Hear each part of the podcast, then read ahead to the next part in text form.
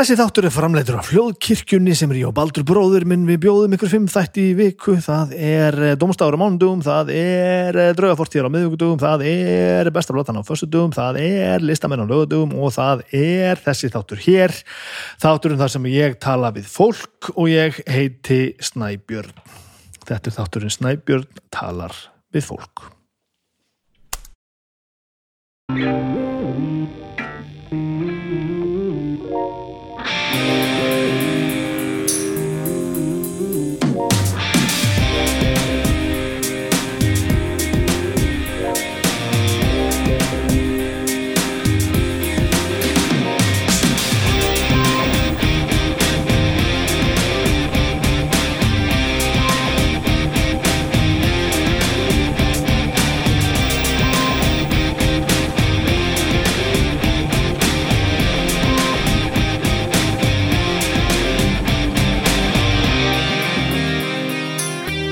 Komið sæl, velkomin í þáttinn minn, Snæbjörn talar við fólk, það er fyrringur í mér, það er fyrringur í mér, þetta er, um, þegar þetta er talað, þá er viðmælendi minn, hún Dísa nýfarin, hún er nýfarin og ég þarf að skeppa þessi vinnuna, þetta er allt saman gott, en stóru fréttum verður dag það að ég er að fara að spila D&D í kvöld.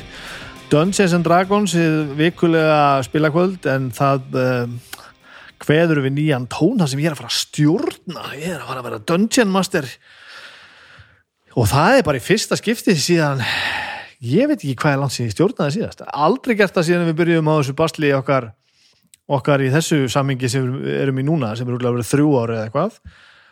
Alveg látið látið mér reyndar í mönnum það eftir. En ég stjórnaði talsveit kringum aldamótin, sér hverju með aldamótin og svona aðeins eitt og eitt sessjón síðan þá en þetta hef ég bara ekki gert í að neinu marki sko. Þannig ég er búin að vera svona mest kannski andlega að undirbúa mig síðustu vikur og mánuði svona þess að sanga mér uppsingum og eitthvað að monta mig.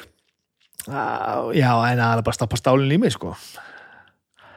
Og nú er ég búin að prenta út að risastórt kort og ég er að fara að stjórna einhverjum einhverju horror stöfi bara á fyrsta leveli bara fimm karakterar á fyrsta leveli og ég, það er fyrringur í mér, ég viðkenni það. Það er fyrringur í mér sko. Þetta er sem sagt bara sama spilagrúpan og ég er að spila með venjulega, það er svona aðeins breyttar ástæður og hafi ekki allir heimagengt heimagengt og svona þannig að það hendaði ágjörlega að ég skildi taka þetta yfir. Ég hérna, ég lætt vita. Lætt vita hvernig þetta gengur. Þetta er ekkert djók sko. Og lífið er svo einfalt. Lífið er svo einfalt. Þetta er bara þetta er bara litlu hlutin geta verið bara svo rosalega yfirþyrmandi. Já, já, já, já, já. Við erum búin að klára valdkartumfyrirna í, í NFL og reytist uttu út, það hlaut nú að enda með því sko, það er alveg börðust hetjulega við Bengals og töpuð því bara aðra, það kom svo sem ekkert óvart og svo sem ekkert margt sem kom óvart þannig þetta, þetta matla bara. Það stýttist í úslitt sko sárt að missa þessu út en það er bara og það er. Það er samt gaman að horfa sko. Það er nú gaman að horfa samt sko, já ég þarf aldrei að mér í vinnuna þetta er rétt. Skilabóð hérna um þetta, það er brjálega að gera. Það breyti því nú ekki að hér eru með mér alls konar styrtar og samstarfsaðilar. Fyrst allir að tala um sjóvá. Sjóvá er búið að vera alltaf sjálfsögðu búið að tryggingafélagi mitt og okkar í mörg, mörg, mörg ár lungu áður en þetta samstarf nokkuð tíma kom upp um, það er auðvitað að tala vel um sjó það er gaman. Um, við hérna Agnes braut, braut, braut, braut gleruðum sín hún braut henni svo sem ekki.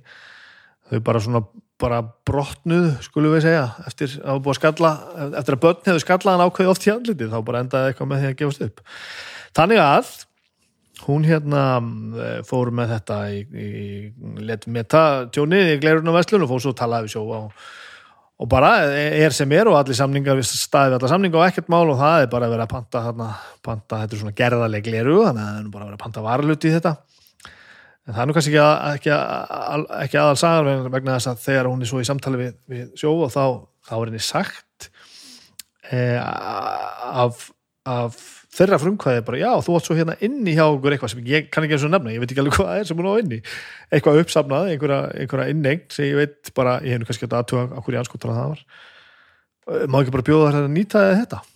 Þannig að það er ekki verið að að fela allavega fyrir manni hvað maður á hann inni. Sjóvá er í þessu með okkur hér og er það vel. Um, ég þarf að tala meira. Uh, Fly over Iceland, Fly over Iceland. Ég ætla að vera búin að fara með familíuna tvær helgar í röð á Fly over Iceland, Fly over uh, Vilda Vestrið og við erum ekki ennþá búin að gera það. það er búið að vera eitthvað svona einhver eitthvað pínulasin og búin að fara í eitthvað djöfusis próf og aðtók hvort að eitthvað sótkví og, og eitthvað smitgátt og eitthvað, þetta er búið að vera þetta er búið að stangast svona nákvæmlega þannig á að við höfum ekki náða að fara. Við erum alltaf búin að fara í Fly over Iceland og áttur en einu sinni og það er ógeðslega gaman. En ég hef ennþá eftir að fara og við og, og með og Agnes í, á, í Fly over Wild West. Ég hlýt að koma í aðu næstu helgi. Ég bara hlýt að koma í aðu næstu helgi. Um, það er ógeðslega gaman. Ef þið eru ekki búin að fara þá skulið þið fara inn á flyoverisland.is og, og pantingu með þar. Það er hægt að fá alls konar góða díla, báða sýningarnir í röð og einhver dílar fyrir börnin ykkar og ég veit í hvað og hvað. Og ég hef nú sagt þetta áður og ég er ekkert að grínast með það. Það er eh, eins og nú ágætt að fara í bíó um helgar með börnin þá er það bara svolítið, það er bara að teka svolítið tíma. Þannig að þetta tekur stýttir tíma er, þetta er meiri upplifur þetta er eitthvað, sem að við, maður gerir miklu miklu sjálfnar og, og, og það er bara hægt að nota tíman í eitthvað annað, fara heim og, og gera vöflur, vöflur. Þannig að Flyover Iceland, tekja á þeim flyoverisland.is svo á ekki bara að klára þetta Simin Pay náttúrulega stendur vaktinni hennar með mér eins og alltaf. Það er þriðudags tilbúið bara í, í, í matallarflipanum í Simin Pay appinu Nún eru þetta gómsættir kjúklingaborgarar á 1000 krónur, 1000 kallinn maður. Þessa vikuna býðu chicken í samstarfi við Simon Pay kjúklingaborgara á aðeins 1000 krónur. Chicken er staðsettur í Ingolstadti 2 og það er þetta fá helviti öfluga kjúklingaborgara og eins og alltaf þá gildi þetta frá þriðuti til þriðudags og þetta gildi bara þegar þið pantið og borgið í gegnum Simon Pay appið. Og þannig er nú það, það er alltaf eitthvað helviti djúsi frá þriðjudegi fram á þriðjudag sko. Og það er að ekki bara alltaf ég að minni ykkur á það sem er, mér er mín helstu þægindi með þetta app, það er að leggja bílum sínum, ég nota þetta sem, sem, sem bílastæða leggi app okkur um einasta degi og er það vel. Þannig að það er nú þessi skilabóðapakki, skila, skilabóðapakki, skilabóðapakki, Flyover Iceland og Simin Pay glæsilegt. Ég hljóma rosalega chipper og, og, og hérna öflugur, ég er nú eiginlega kvitta fyrir það samt, ég er eiginlega búin að vera bara um, á einhverjum pílu svona post-jóla blues því hvort það er bara hvort það er bara uh, skamdegið eða hvort að jólafríið einhvern veginn rugaði við öllu saman eða hvað það var, nú er bara alltaf einhvern veginn að komast aftur í rútínu, ég er að fara að hitta Magnús Blöndal á morgun og krakkandir einhvern veginn komin aftur í í svona sæmilegt samveld jafnvægi jólafrí gera ekkert gott fyrir fjóra og sex ára börn og reyndar ekkert 43 ára gaman meðaldra kallmann heldur. Þannig að það er ágætt að setjast bara í sætt sitt og, og þau setjast aftur í, í, á skóla skólaborðin sín og, og fara út að leika sér á leikskólanum og koma þreytt heim og sopna á skikkalunum tíma og vakna á sípöðum tíma hverju mestabóni þannig að þetta er allt á leiðinu upp á við en ég, þetta er aðeins verið ströggl ég ætla nú alveg að viður kenna það og þið þannig úti sem að eru upplifað sama. E, þetta er bara áþreifanlegt og ég ætla kannski að tala við ykkur sem að, sem að eigið aðstandendur sem að eru þung og ómöguleg. E, þið kannski skiljið ekki alveg alltaf hvernig okkur líður þegar við erum, erum erfið á mótnana og, og treyð til verka og, og, og þetta allt saman. En þetta er, uh, þetta er raunverulegur vandi og við erum held ég öll sammálum það okkur líður allt, öllum aðeins betur og við verðum öll aðeins viðráðanlegri ef að þið spyrji bara í staðin fyrir að vera reyð við okkur. Æjá Gestur minn í dag er Dísa, hún heiti Vigdís og ég vann með henni í mörg ár á auðlýsingastofunni Pippar, hún er að vinna núna hjá Stafranu í Íslandi. Hún er einn mesta, einn mesti bara, einn mesta, já, eins og kemur fram, hamleipa til verka sem ég hef nokkuð tíma kynst, hún er alveg, hún getur virkað á mann hálf brjáluð, sko. Kemur ótrúlega hluti með verk og eh, er ekki mikið í því að að sikur húða skítinn þetta hlutinir eru bara eins og eru hún leysir vandamálinn þegar þau koma upp. Og ég saknaði þess ennþá að heyra hana koma gangandi á grjót hörðu hælunum inn parkettgólfi á stofunni og tempóið bara góðan daginn! Og þá var allt farið að stað. Eh, það var ógæslega gaman að tala við hana. Hún fer svolítið í hana flokk sem ég hef talað um ofta áður flokkin fólki sem ég þekki alveg ljómandi vel en veit ekki endilega allt um. Þetta voru helvíti skemmtilegi klukktímar sem við áttum hérna og ég ætla að fara að drulla mér í vinnuna þannig að þið skulle hlusta á mig og Dísu hérna við eldursporið bara rétt, rétt á hann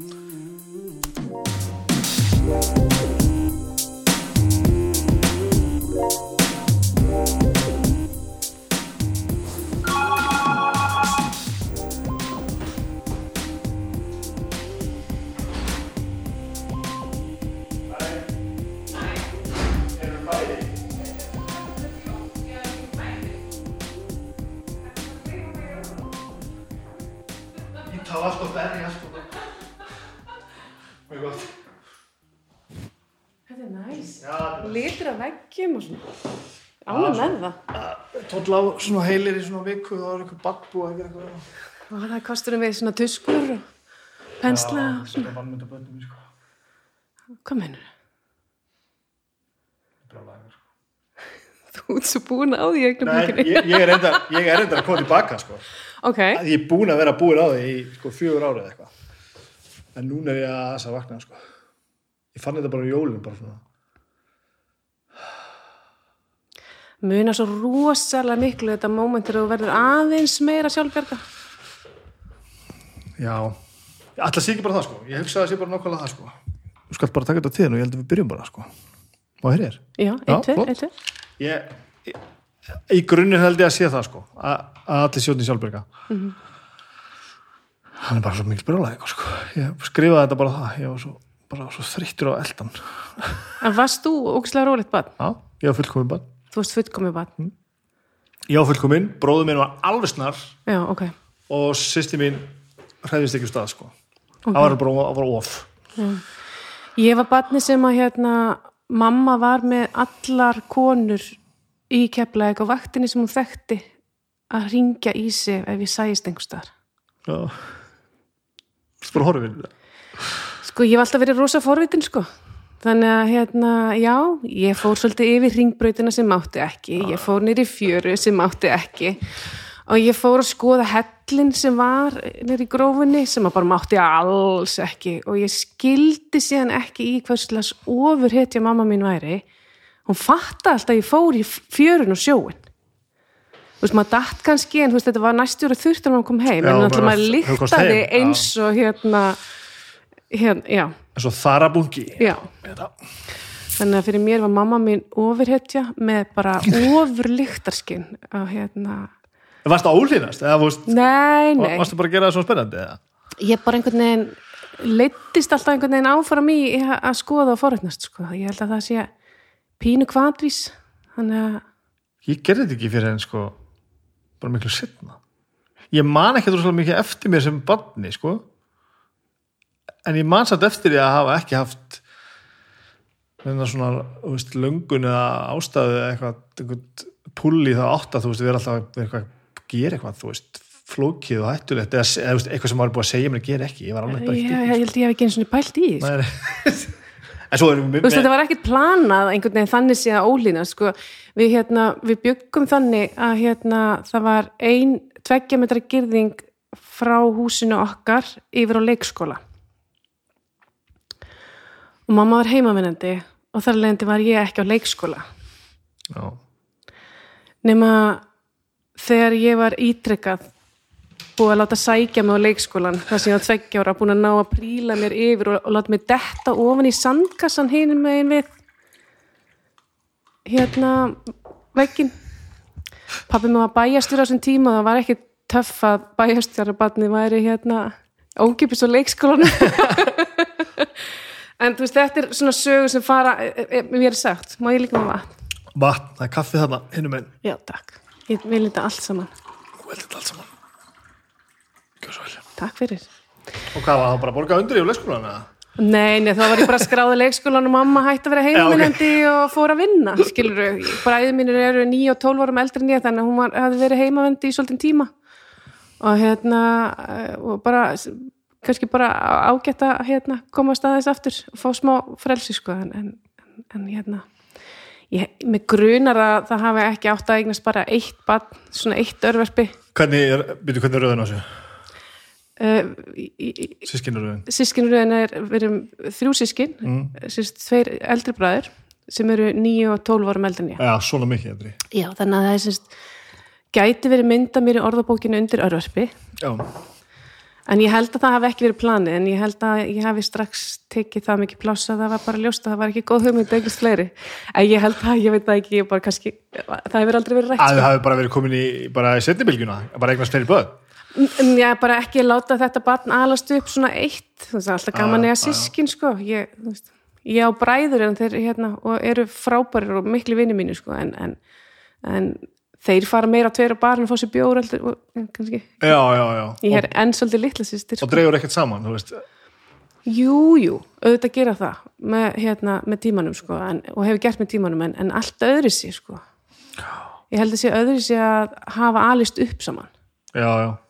Já, ég finn þetta með mér, sko, ég er elstur. Ég er 78 og svo bróður minn næst 84, sko. Það er ekki nema 6 ár.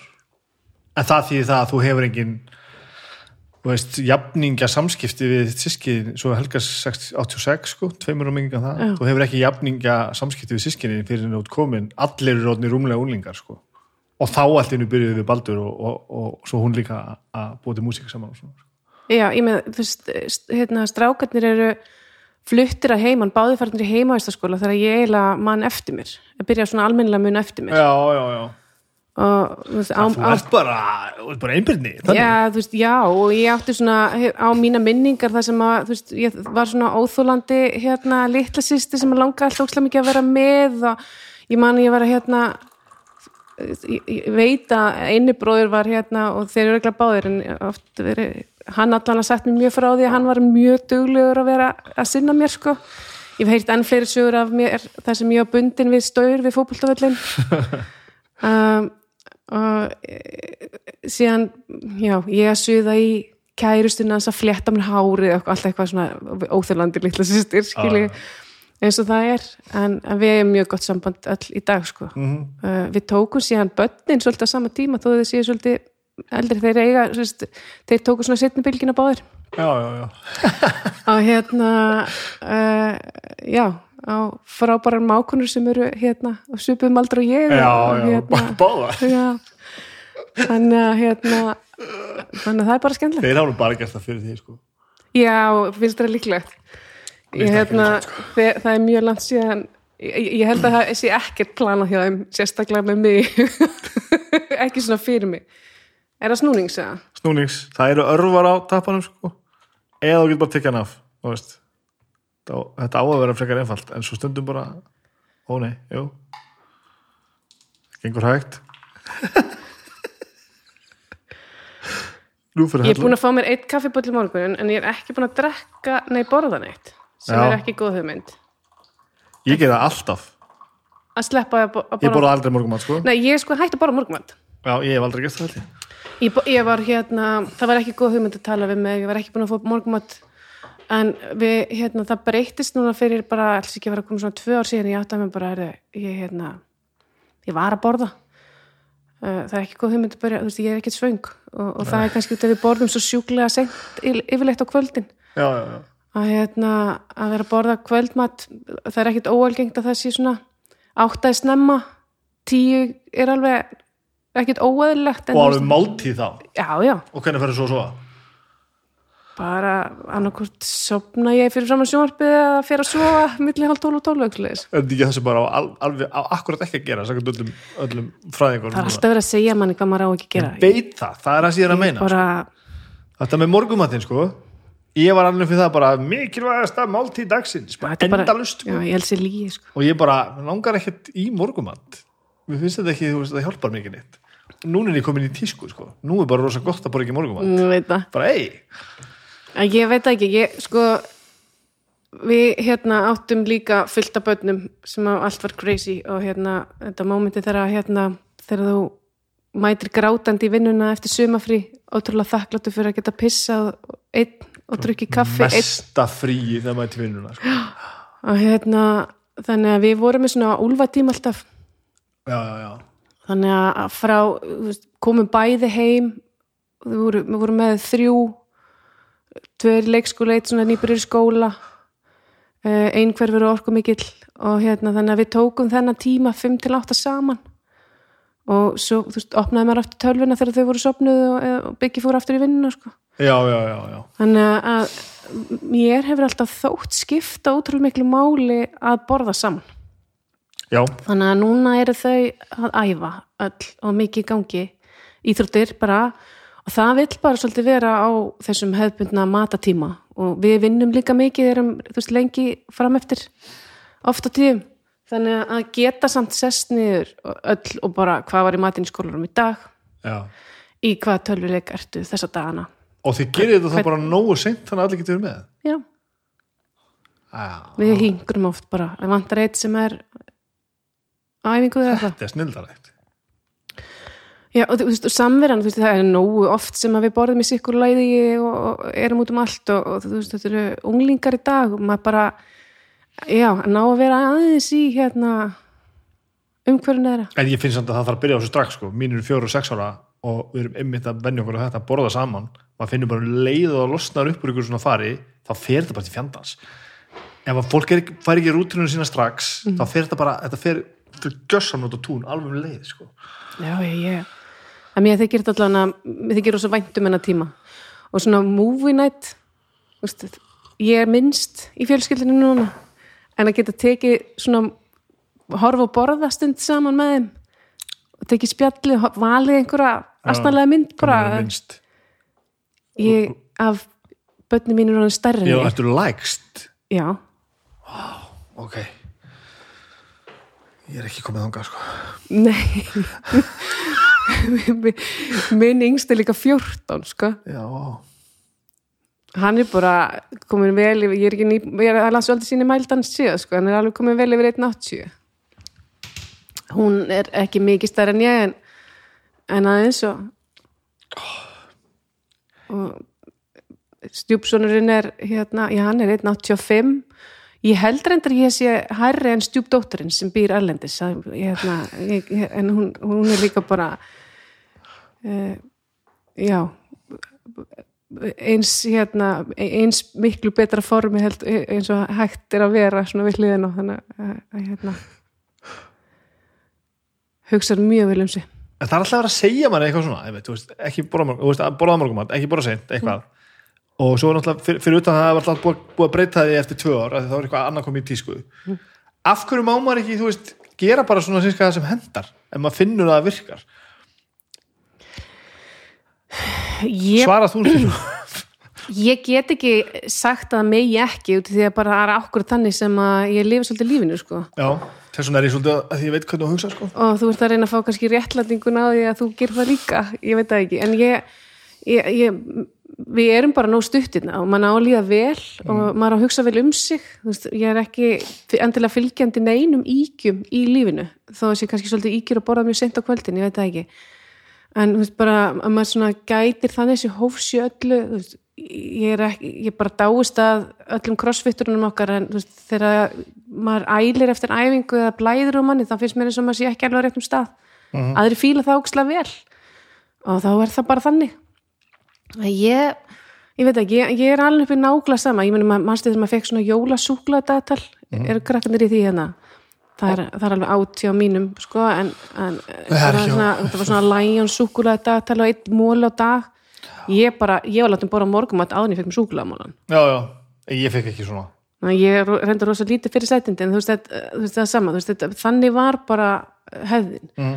um, mamma og pappi ferðist mjög mikið og amma og afi voru oft hjá ma- amma beigð alltaf með matinn setti sér með mér. Ég brjála ekki ykkur á þessum tíma sem var ekki, e- e- ekki gott að einhver sat og ho- horfði á mann borða. Svona misti ég með að lifi ég horfði að verbúðunum helgina. Og það sem að veslingsbatni satt einn með fullanda, reykjandi fullanda fólkinu nótum minn að vera ekki reyktaði með mér en, veist, og hann átti að klára fiskinn sinn. Hvað með börnin í Afríku. þú veist, Þetta er frasin sem allir eru búin að vera að tala um þetta er bara Ég er ekki búin að horfa sko. Ok, ég veit að við erum búin að tala um spoiler hérna. Ég er búin að sjá þetta á öllu samfélagsmiðlum Já, bara já, um sko. nákvæmlega, og hérna við hefum ofta rætt þetta spoiler moment, en, en þetta er svona Mhm. þetta er bara kjarnaði æsku mína. Og því ég var rosalega gikkur. Við fannst bara, ég var rosalega lítið fyrir fisk. Og, og bara mér fannst bara ég, mér fannst ég bara fyrst ég fór til Fraklands sem unglingur í brúðköp hjá skiptinema sýstu minni. Og þar fekk maður bara að hafa bagett bara undir hendinu, þetta var bara líf. Það var ekkert vera ekkert vesen. Nei, þetta var rosa stert í okkur þetta er bara, veist, þetta er bara gríla komin eitthvað aðeins lengra. Bara, alltaf nótteka bara, já, þú verður að gera þetta af því að, sko. ég skildi bara aldrei þessi rök og af hverju átti ég að borða okkur mikið út af því einhver annar fekk ekki að borða? Já. Það megar ekki sens sendið þið hann matinn? Já, ég skal gefa þeim hennan mat. Og líka bara er ég, er ég á ég að þjást með þeim? Er það betra? Mm. Alltaf, ég já, en ég, þetta er náttúrulega bara breyting kannski sem hefur orðið á öllu, maður, þú veist, átt að vera alltaf með eitthvað svona krónist samvinskupið yfir öllu sem maður gerir. Ef maður borður á mikið, er hefur á lítið já. eða, Já, meina það, já, já, já, já. Það er ennþá maður það, ef þú borður eftir átta kvöldin þá ertu bara, þú ert bara ómenni, sko. Ég veit það. Fólk, það er hérna hversu mikið gapandi fólk getur verið yfir bara hvernig við lifum, lifum okkar lífi sko. Mhm. en þetta hendur okkur og svo vel. Og þetta breytist, eins og ég sagði aðan fólk, var- fólk, fólki fannst ég al, algjörlega galinn að borða aldrei þetta mótnana nú er það töff. Ég var í því líðið sko. Allt í er það bara töff. Já, Þa, og það verður orðið töff að borða eftir klukkan átta á, mót- á kvöldin fljóðlega með einhverjum leiðum sko. það verður einhverju ég Instagram sé bara að segja ég eitthvað held að sé margar þjóðir svona, jafnvel einhverstar í kringum miður að hafi sem að eiga þetta kannski svolítið til og hafa jafnvel gert í hundruður ára það Já.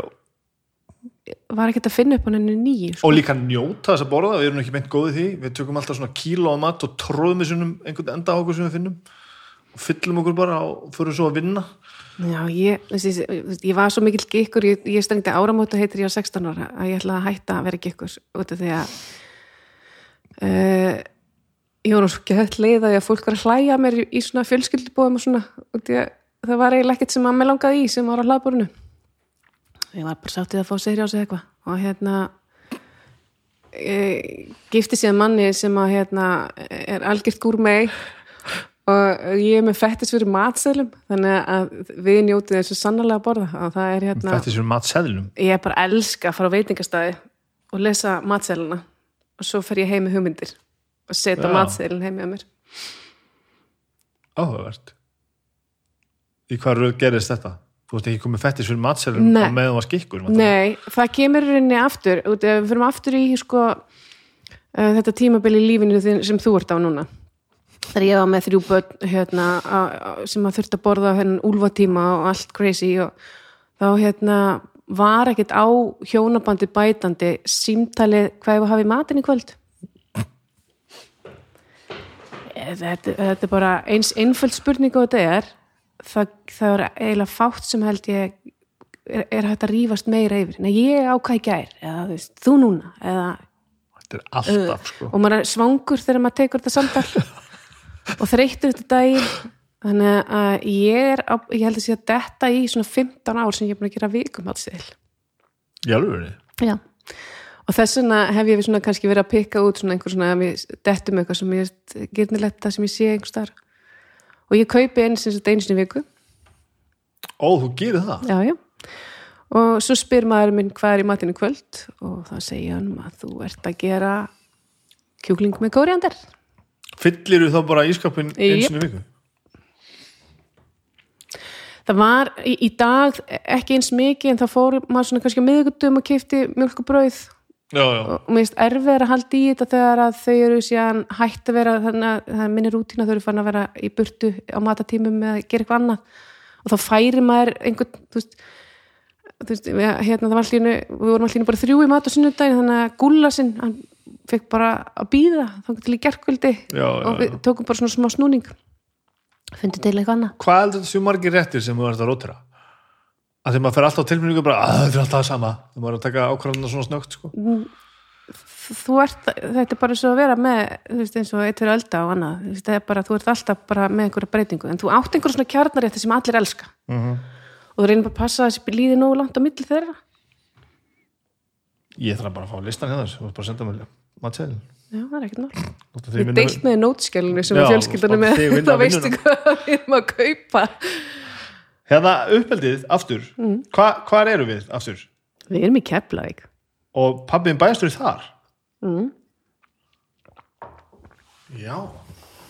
Frá því þú mannst eftir þeirra um, Nei ég, ég bara hluta til sko, pappi var bæstur þar í tíu ár held ég, en byrjar í rauninni bara ári sem að ég, um þau byrj sem að ég er að fæðast. Þá, þá flytið þetta Keflavíkur, hann er ráðin svona eins og frangotastjóri. Og þau eru bara Þau kynast hvar? Og pappi, Já. Þau eru bara vesturbænum. Og strákandi semst fá uppeldið hérna Svona Nei, sko sko, Nú, það er sko. Þau byrja sitt hérna líf hérna í, í Reykjavík. Eru, ég held að sé fáir eins, eins reynar vesturbæjarætur eins og það getur bara gerist þegar fólk er að segja mér að sjú vesturbænum. Þá bara maður. Ég segi frekar í sér stolt og kjöflæk sko, en, en hérna en þeir fæðast hérna í bænum þá flytja þau til Ísafjörðar hann er í nokkur ár bæjastjóri sem ráðin bæjastjóri á Ísafjörði Já. þá vann hann í, í fjármálaráðundinu og þótti galinn að fara eitthvað svona út í pólitíkina og, og er ráðin sem, sem fælur uh, bæjastjóri á Ísafjörði og þau eru þar í nokkur ár og þaðan til keflækur Ah. og ílindist þar en það er æðislega staður að vera á Og þú, þú er alin upp þar bara Já, ég flyti bæinn sjálf bara eitthvað um tvítugt. Og þau ennþá þar eða? Nei, pappi er dáinn, les fyrir um, nýja áru síðan uh, og mamma býr hjá mér. Auðvitað Hún var fyrst til að byrja með, við, við vorum svo hérna, heppin fyrir nokkrum ár síðan, þá fengum við svona lottovinningu, keiftum hús sem við gerðum upp og það er íbúð þar í kjallaranum. Uh, og mamma flutti þangað, seldi húsið og kom og er hjá okkur. Og hvað, þú veist, hvernig voru að kepla á þessum hvað, hvað þú cirka gömur og ég Ég að tala við fólk ég held sem akkur því að gömul, ertu ekki 77? Nei, 78 Þú ert 78, ég er miklu eldri en þú. Já, það breytir öllu, sko. Það er eitthvað sérsta sem var að gerast þarna. Sko, ég, Fólki var- sem ég hitti, tónlistafólki, listafólki allt þetta, sem er á mínum aldri, okkar aldri það er eitthvað ég get sagt sína, mína sögur frá húsæk sem var miklu meira svona rosa mikið svona do it yourself svona, um, svona left wing svolítið svona mikið hávaði og rostur og svona punk sko. þetta, þetta verðist vera miklu meira svona ekkert sko ekkert minna endilega róttækt eða, eða framsækið en svona pússaðir útgáfana sem ég þekki rosalega mikið vanda til verka og rosalega mikil svona kunnátt á að geta alltaf Já, þetta er bara svo hæfileika ríkt fólk. Já, þetta hljómar Ég er- ég- hróki ég- en ég þetta, bara- ég er bara komin að þessar niðurstöðu, Já. þetta er satt sko. Ég, hérna, ég er ekki einaðum skilur hvað tónlist var Já, það, en hérna, en hérna það er rosalegir talentar sem að er að alast upp þarna á sama tíma og ég og þetta er hérna Deep Jimmy and the Sepkrins og Pandro og annað sem að maður kannski horfði til og þótt ókslega töff og þú veist um, hérna hérna varst að tala við Elisundaginn til og með -hmm. Carlos og Krókrandi, við vorum saman í leikfélaginu þú veist, Já, þetta var bara þetta voru svona, það, það var einhvern veginn svona uh, það var þessi það mátti vera öðrusi sem bara einhvern veginn var rosa mikið fannst mér á mínum, mínum árum það fór einhvern veginn allt í henni frá því að allir áttu eins millettu úlpu og sé 17 gallabuxur eða hvað það hétt yfir í að það, það fór að fæða svona hópar sem eru öðrusi og það er það sem er svo gaman að koma inn í unglingaskólanum í dag að það eru alls konar fólk. Það er ekki einhvern veginn bara einhver svona um, allir alveg eins. Allir í eins úlpum eða allir bara í íþróttum eða þú veist, það er alveg ofta tím bara goth-hópurinn líka eða þú veist, bara fólk sem er bara aðeins að reyna að finna sjálf sig og ég, það var einhvern veginn svolítið frelsi fyrir því, ég veit ekki tónlistaskólinn var mjög sterkur í keflaðik og hérna ég fór náttúrulega þangað eins og, eins og allir maður tók hérna allt flötu og svo þörflötu og alls konar og hérna kláraði tónfröðun og ég, ég man ekki, ég tók alveg fullt að stigum í söll saman sko en, en þetta var einhvern veginn ekkert hérna veist, það er bara svona hlutaðið kannski tónlistskólinn ekki henda mér og ég fann ekki leiðina þaðan yfir ég að fara að skapa í tónlistinni. Nei, nei, nei. og mér finnst gaman að vera einhverstað það sem er svona pínu skapandi. Ég fór mér yfir leikfélagi en sko já það var rosalega mikið af flottu flottu tónlistafólki sem hefur komið og ég veit ekki veist, hvort það sé í vatninu eða Saga náttúrulega vinnur með sko, þegar fyrirmyndandur er náttúrulega svona Já, og sagan er svona óbúrslega sterk sko. En mér er samt sama, þetta er bara og fullt af fólki sem er ekkert að hafa sér þú veist, svona mikið í frammi eins og sumir sko. það fullt af bara sem að gera miklu minna og það er bara einhvern veginn eins og þetta sé Já, ég bara eins og bara Valdimar var í útörpinu á leðninga, bara uppbólsöngur minn, eh, Já. ever, minnst það geggjaður Já. Hann er tölvöld yngri en ég en ég kendi með mömmu og pappa hvernig finnst þið það? Já, einmitt En mömmu pappa, hann til dæmis algjör snillingur Já. og þau bæði uh, bara talað þetta fólk sem að hérna, eh, og hann búin að tralla í, við, veist, í öllum svona lokal skemmtunum út í endalis sem svona trúpador með skemmtana sinn eins og tala um hann ég, ég held að hann viti ekkert af hverju hann varð svona sko. Valdimar? Já, þetta var bara veginn alveg eðlilegt og svo bara opnaði hann sér munnin og byrjaði að syngja og allir bara, bara hvað, veist, þetta það er eitthvað það er eitthvað í, í regluverkinu hann sem að gerir þetta sko. Já, hann, hann á mjög hæfileika ríka fóröldra hann má alveg Já, ég trúi því vel. Það hlýtur eiginlega að vera. Og hérna og líka bara mjög gott fólk. Og hérna en það er, það er svo miklu fleiri. Það er alveg einstaklingar sem að það sem að fóröldin eru bara ekkert nála tónlist sem að bara eru bara bólakafið í dag sko. en það er rosa mikil, það er rétt það er rosa mikil tónlist.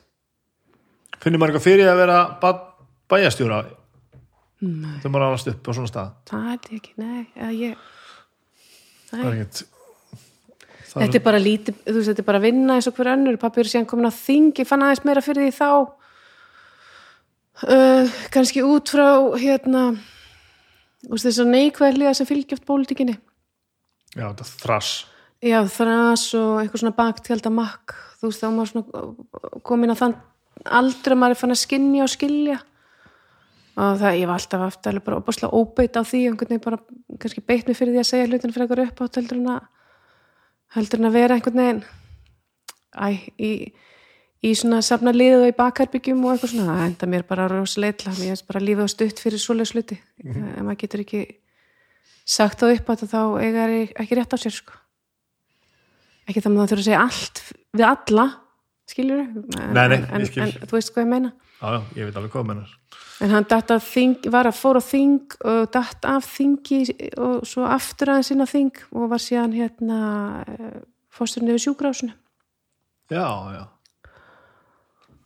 og já, hætti til að snemma og náttúrulega bara búin að vera bara, helena ferill já, löngu búið með sko þess að 90 ára reglu eða hvað það er. Já, hérna, ég átti briljant spjalliðan sem ég þótti mjög vend við, við náðum mjög rosalega vel saman. Hann var mikil, hérna, mér mikill klettur og, og lærið mikið á hann að hérna það var svona, eitthvað svona væplast með hvað hann ætti að fara að gera hann satt aldrei kjur hann var svolítið tegund, þannig ég held ég fáið það klárlega frá honum.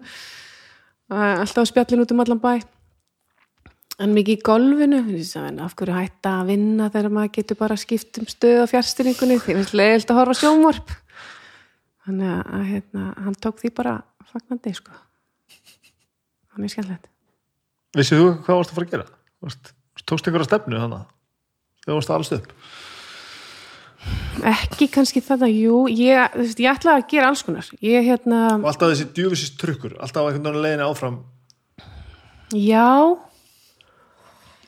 Um, ég náttúrulega er kynslaðin sem bara elst upp við það að vitis er fórseti og veist, það er bara einhvern veginn svona einhvern veginn að alast upp á Íslandi uh, þá er maður svo mikið maður fær svo mikið einhvern veginn að allt er mögulegt allir vegi færir sem getur alveg, hefur alveg farið of langt með fólk, þannig að brotna svolítið undan því að, að, að það kemst ekki að þanga sem það ætlaði sér. En ég átti alveg potti tímabil ég heiti Vigdís, það sem ég ætlaði líka að vera fórseti, fullkomlega eðlilegt að ætla að vera fórseti um, mamma og pappi voru mikið í svona alþjóðastarfi svona Norrannafélaginu og hérna AFS og svona ferðust mikið þannig að ég var svona handfarangur og fekk að flakka mikið og þegar maður kynnti skrökkum síðan sem sem bygguð annar staðar og út um allan heim og þá áttað með þessu svolítið fljóttaði að, að hérna, hlutinni voru allt öðru sig það var engin, það var engin að vinna í fiski 14 ára sem að, maður var að spjalla við á, hérna, á vinabæðamótum sko, það, var bara,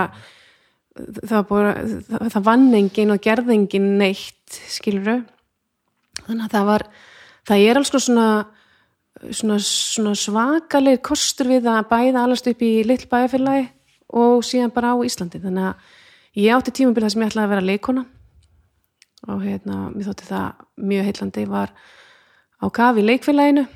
Uh, byrjaði þar bara óvænt það sem ég var kift inn í uh, að vera að lína langsokkur. Ég veit ekki hvernig leik, já, ég veit ekki alveg hvernig leikstjórunum datt það í hug sko, að það geti fitta þá var ég 14 ára.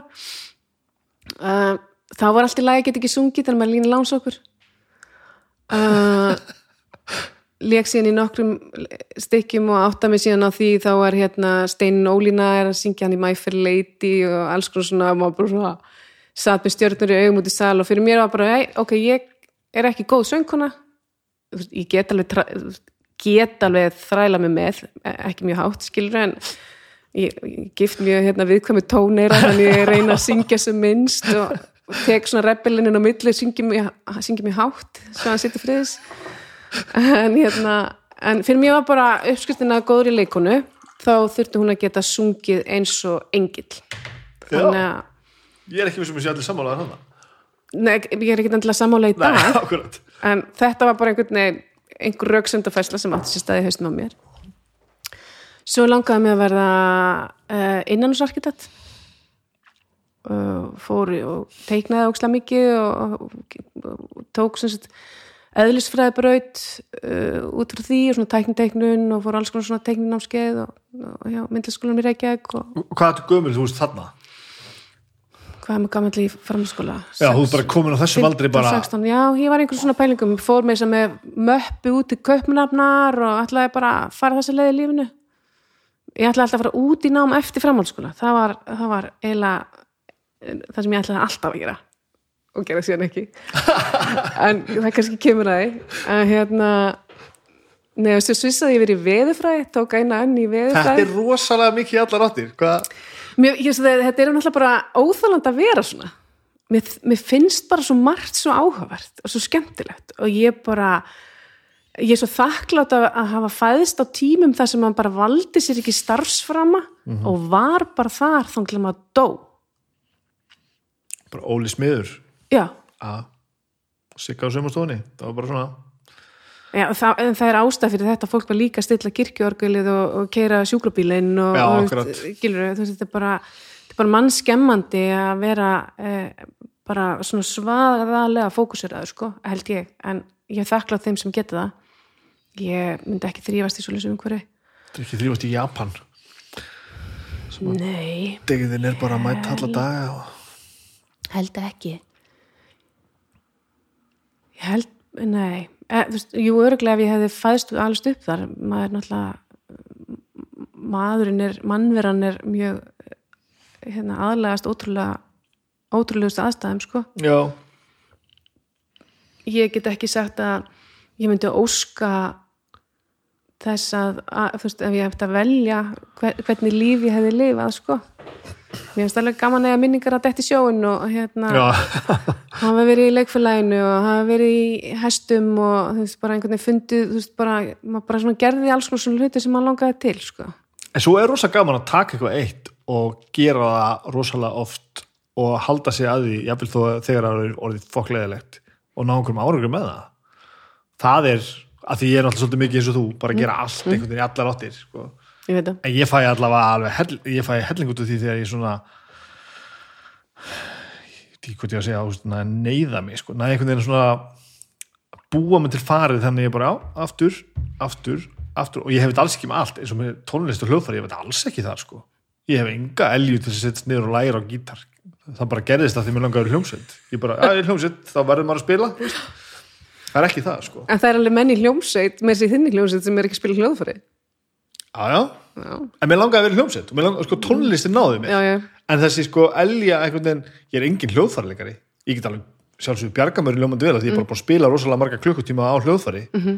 en ég hef aldrei tekið einhvern veginn og mastera þetta og mér líður ekki eins og ég sé hljóðfaraleikari sko Nei, sko, ég tengi bara fullkomlega við það. Ég, ég, ég hef alveg getað lært á, ég hef ekki erfitt með að læra hann hljóðfæri eða læra tungumáli eða þar sem þetta göttunum. Ég, ég bara einhvern veginn, og þetta er ekki þannig að ég ná ekki fókus, sko. Þú veist, ég var hérna, uh, var alveg þú veist tíu nefnandin sem fekk velunin í, í lók árs ah. veist, og ég var óþólandi og hérna fannst ókslega gaman að finna einhvern spöldin hjá bræðurum mínum, þú veist bara til að sína þeim ég er kláður á þig þú hefur ekki verið skemmtileg sko. nei, ég held ekki og hérna þetta fannst mér ókslega fyndið og skemmtlegt og hérna, og alltaf verður kannski ég held að segja eina sem hefur ekki breyst ég hef alltaf haft svo mikið metna ég hef eins og verið setni til svona eins og ég er í háskólanum núna og þegar ég fór svona þegar ég var hann fullorðin að þá e, lækkaði ég bara kröfunar á mig í skólanum til þess að geta gert aðra hluti með þú veist, þá var maður komið fjölskyldu og annað bara til þess að tapa ekki glórinu sko.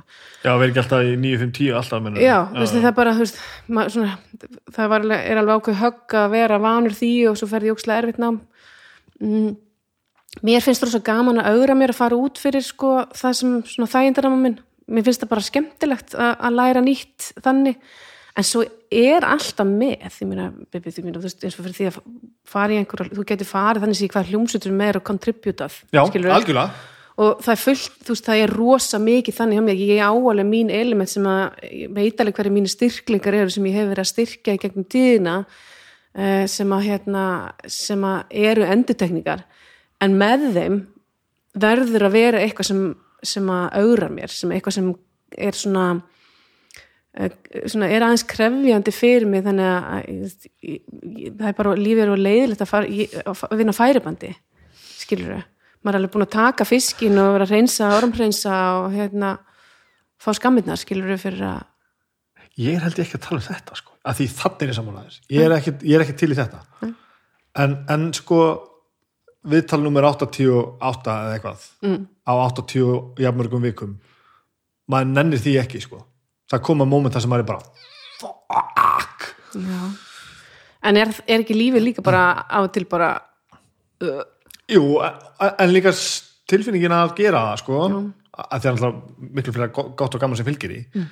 en það er einhver tilfinning sem fylgir í að komast yfir þennan þröskuld og missi ekki boltan sko Sko fyrir mér er þetta, þú veist það eru rosa margir hluti sem ég gerir mjög oft, bara halda einhverja fyrirlestra skipuleik, einhverja viðburði, eh, endur skipuleik, einhvern struktúr í einhverju finn, einhverju, þú veist ég er svona problem solver, bara það er svona eitthvað sem að ég er mjög auðvilt með að koma inn einhver staðar og skanna og átta mig og, og aðeins finna, stappi göttun og finna út úr þessu. Uh, en ég undirbýð mig alltaf, ég, þú veist ég held mér við með því að undirbúa mig alltaf rosa vel. Veist, mér finnst þeir sem að hérna eins og þú. Eh, veist, það verður ógeðslega leiðilegt þegar þetta er orðið það ísi að hérna þú, þú ert ekki eins og búin að þú bóða bara einhvern í viðtaljaðir eða þú ert ekkert búin að undirbúða eða þú veist ekkert hvað á að gerast. Ég myndi aldrei gera það. Nei, þú, þú veist, og ég held þetta líka svona í þessum undirbúningi að, að þannig já, já, já. kemst maður í gegnum veist, það er þessi rútina sem maður býr sér til til þess að geta gert það vel. Um, ég, ég get ímyndið mér að það, sé, það er rosa mörg störfallana sem er svona endutekning það sem allt í hún eftir bara koma með eitthvað handrit að ég að bara uh, tala um veðrið eða alltaf að gera alltaf einhverjum, einhverjum sama stað eða veist, það, hérna, það að ná að spurja sig að því hvort veist, er eitthvað sem að var hægt að gera betur eða er eitthvað veist, það er ég held um ráðstöfni í haust sem var basically alveg eins og ráðstöfninni fyrra það var bara því það er bara þetta á ennþá svolítið mikið inni þegar maður er að halda ráðstöfnir á COVID-tímum. Það er enginn búin að sjá venju eða gera neitt og svo náttúrulega var allt lokað aftur og þetta var allt online. Ég skilur hvað ég verið á við svo er kannski góð hugmynd að skipta um eða fara eitthvað annað eða, eða breyta en þú ert samt í rauninni grunn að gera það sama. Já, ég skilur Fyrir mig að halda Uh, sem er alveg eitthvað sem myndi geti gerst að það verði ekki COVID er, að, það er, er 50 manna veistla heima um helgina. Ok. Mm -hmm. veist, það, veist, það er ekkert mál. Það er ekkit kannski þannig hjá öllum.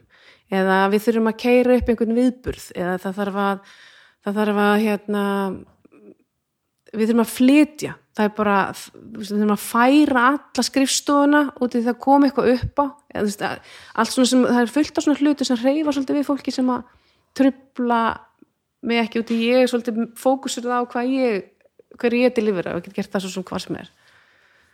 Það veit ekki, ég er komin í einhverja þvæliðina Þannig að þú ert í alveg að segja það að, að þú myndir ekki miklaða fyrir að flytja?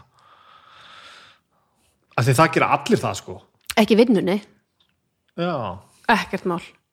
Ég ætla aldrei aftur að flytja í Nei. lífinu. Ef ég flyt einhvern tímann þá er grunnkrafan svo að það verði keift allt nýtt. En ég man eftir þessu svo því að við vorum að vinna saman sko, nákvæmlega þessum eiginleika að mér leiði stundum eins og horfðir ekki á verkefni þá erum við byrjaðir heldur, veist, ég er svolítið í því að ég þurfa alltaf að sjá fyrir mér sko allan ísjakan áður en ég byrja sko. Mhm. sem er líka alveg, þú veist, nýtst mér alveg stundum vel sko. En það sem að skemmi fyrir mér er það að ég get ekki byrjað fyrir en ég veit hvernig lítur út sko. þú svolítið bara svona, bara, á, byrjum bara hér það gerist eitthvað. Og það er eiginlega mjög gott sko. Stundum er það þannig uh, ég er samt yfirleitt búin að undirbúa mig þannig að ég er búin að fara upp í þrjúðsfettin og sjá stóru myndina. Já, bara svona góða fela. Já, en bara það, er, það hjálpar yfirleitt ekki verkefnum að maður sé alltaf að horfa á veist, hérna, pæli í hvað þetta er yfir þegar þetta er mikið. Nei, maður gerir það samt. Í- ekkert endilega. Þú veist, ef þú ert búin að teikna þau upp og svo er búin að búta það niður og setja það niður á tímalínu og bara forgangsraða og væntingastýra það að þá er það bara ekki þannig. Það, veist, þetta er bara eins og að búta niður fílin sem er ekki fallegt að gera það er bara að búta niður fíla en, en þú veist, að, geta átta sig á því að hérna veist, að hlutinni komi í einhver röð sem þurfa að vera samhliða, þú veist, þetta er svona kannski bara já, verkefnastjórin í manni en ég er yfirleitt alltaf búin að, að ná að sjá svona heildina og þeir eru komið með einhverja sín hvert þú ert að fara með verkefnið þá, þú veist, ekkert kannski nákvæma niðurstu að þá getur svo margt fallegt gerst á milli. Ef maður gefur, þú veist, næra bútaða niður fyrir einhvern eins og því þú átt að gera þetta. Og þá fæðist ofta eitthvað fallegt sem að síðan byggist á, en við Já. erum alltaf fókusiruð veist, í, í, í, í það átt sem við ætlum að fara sko. mér finnst það rosa skemmtilegt. Mér, ég þrýfst bara vel í umhverju það sem að þarf að uh, það sem er eitthvað svona áskorunum að það er aðeins að læra innan hlutina og finna út úr þeim og, og bara herðu þetta virkaði ekki. Við skulum hérna þetta klúður. Stígum aðeins tilbaka. Pælum aðeins í þessu. Og hérna uh, ég held að það sé ég veit ekki hvort sé eiginleiki. Ég er bara, ég veit það ekki. En mér finnst það skemmtilegt. Og það er svona að leysa úr alls konar hlutum. Já. Þú ert það náttúrulega eins og ég þekki bara svona problem solver af, af bara bestu tegund. Bara svona, já, gerum bara þetta og þetta þá gerist eitthvað. Og þá einhvern veginn leysist allt. Stundum er þetta bara að taka skrefið. Um, oftast eins og allt í lífinu þá snýst þetta um fólki að að fólkinu líði vel að taka þetta skref að þið líði ekki að taka skref og það brotna allt undan þeim. Já, já, og það er kannski hefur verið svolítið stór fókus hjá manni. Þegar maður finnur að að fólk, að yfirmaðurinn stendur með þér eða það er búið að segja þér að ég ætla ekki að reka þig þó þessi herferð gangi ekki upp. Já.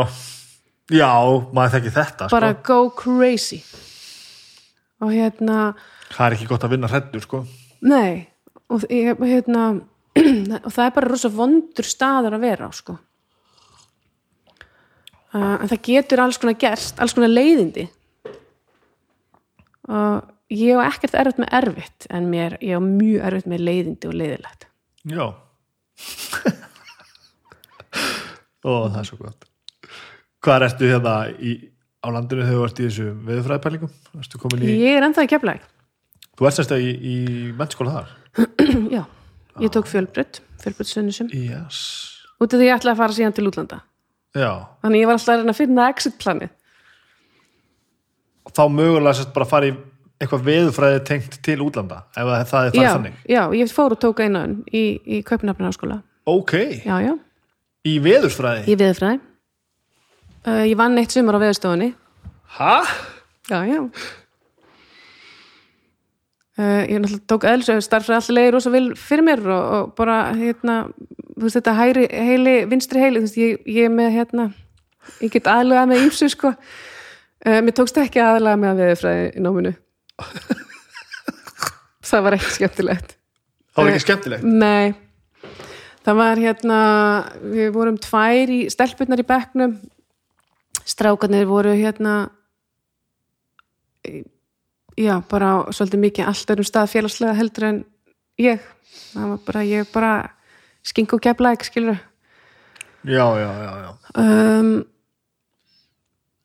og ég ofanulega, þú veist, alltaf þú veist, allt inni komin í starf frá eðlisra á dönsku, þetta var bara á mikið sko.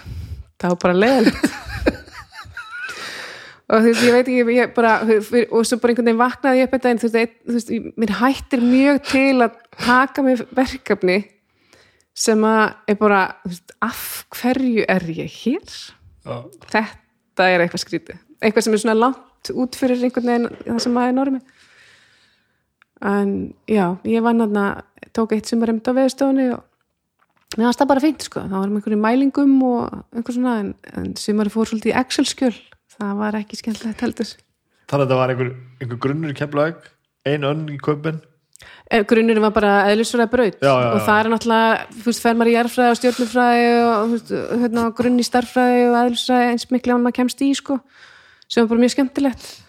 Maður náttúrulega svona pínu skits og síðan samlega því var maður í leikfélaginu og þú veist, hérna æ, ég veit ekki mér finnst bara ömulegt er einhver spyr mig hvað ég ætla að verða hann stór. Og samt, svo ég notið orðið sem notar aðan, svona skingutýpan já, þarna er ég fullblón skinka. Bara sem, sem felur hvað í sér. Bara, maður bara fór í ljós og hérna með rosalega ljóst hárið og svolítið dökkara augabrúnir og hérna þú veist á þessum tíma það voru hérna brúni varlitin var þegar maður var unglingur og svo var maður bara þú veist, ég komst í gegnum þetta alltaf hans að fá mér tattu, ég er ekki með tribal tattu eða trampstamp skilur um, það var svona ákveðin hérna já, skinkur og nakkar þú þetta var bara að maður fór að sveitaböll og, og, og þar sem myndi göttunum sko. Eða þú veist, er leifatnar af sveitaböllum ef, ef það má segja þannig en, en já, ég var alveg í þeim hópi æfði úkslega mikið og maður bara, allínu var maður komin að taka þátt í ferursankeppni Alveg rétt. og eitthvað svona. Þú veist, maður bara ég læt ég var bara ég, bara- já, ég læt plata mig út í alls konar hluti sem að sem að fyrir yfirleitt upp í staði er bara mjög skemmtilegt sko. er þetta útlýstyrkuna, er þetta bara einhver lífstíl eða? Þetta gerist bara, eða í mínum tilfellum gerist þetta bara sko. Maður er bara verið í góða formi og já, ég skil það alveg. Og það, það er ofta góða sem fylgir þessu að fólk er ofta að hugsa, hugsa vel um sig sko. já, ég svo náði ég ekki, þú veist, þarna fekk maður á þessum tíma fekk maður alls konar ráðleggingar, sko. Þú veist, að passa puttan, hafa svona og maður átti helst ekki að vera í nærbuxum í sokkabuxuna því þá kemur far. Og, maður, þú veist, og alls konar svona hluti sem voru bara svona rauð flöggja mig bara, ha, ha? Það er þarna sem ég verð alveg ég skil ekki, vegna þess að svo fór ég þú veist, þessi milli í, í, í kraftgalan út í hesthús Já. og mókaði skít og hérna, veist, þannig að þetta er svona pínu skits og ég skil hvernig hægt er að koma fólki, ungu fólki á stað þess að maður fer að hafa ágjur af útlitinu og, og hérna sé að borða mikið og þú veist þegar er einhverju svona sem að maður lítur jafnvel upp til sem að er að koma einhverju fáránlega ráðleggingar sko. Ég manni, hérna, það var snúður í morgumatinn þegar ég tók þátt í ungur Ísland sko já, en ég var ekkert að leiðin að fara að vinna það en veist, þetta, var bara, þetta var ekkert hérna, veist, ég var einhvern veginn ekki hérna, á þeim forsutum að, hérna, vera með sætasta brosið að, á hvaða fórsendum þá? ég bara veit af hverju fer maður í Ungfrú Ísland? bara, það var bara ringt í mig og spurt hvort ég vildi vera með skilur þátt, tók þátt í ungur suðunes og það einhvern veginn bara það var, maður átti vinkunur hérna og maður er ekkert alltaf að taka einhverja svona þaulskipulegar ákvarðanir fyrir framtíðina sko. En þetta var bara alveg lærdámsrækt líka sko. Já, þarna var þetta svona þetta var svona, svona ótrúlega mikið hluti af svona samfélagin að vera með eitthvað svona uppákom það var ekkert alltaf verið að fara í bæin fattur leikfélagi var svo stert á þessum tíma, tónlistaskólinn var svo sterkur, það var svona mikið, mikið, mikið gróska í, í svoleiðis. Það voru svona viðburðir eins og fegurarsankeppni og þú veist það fylgdi stapinn og veist það var eitthvað svona gegg í gangi.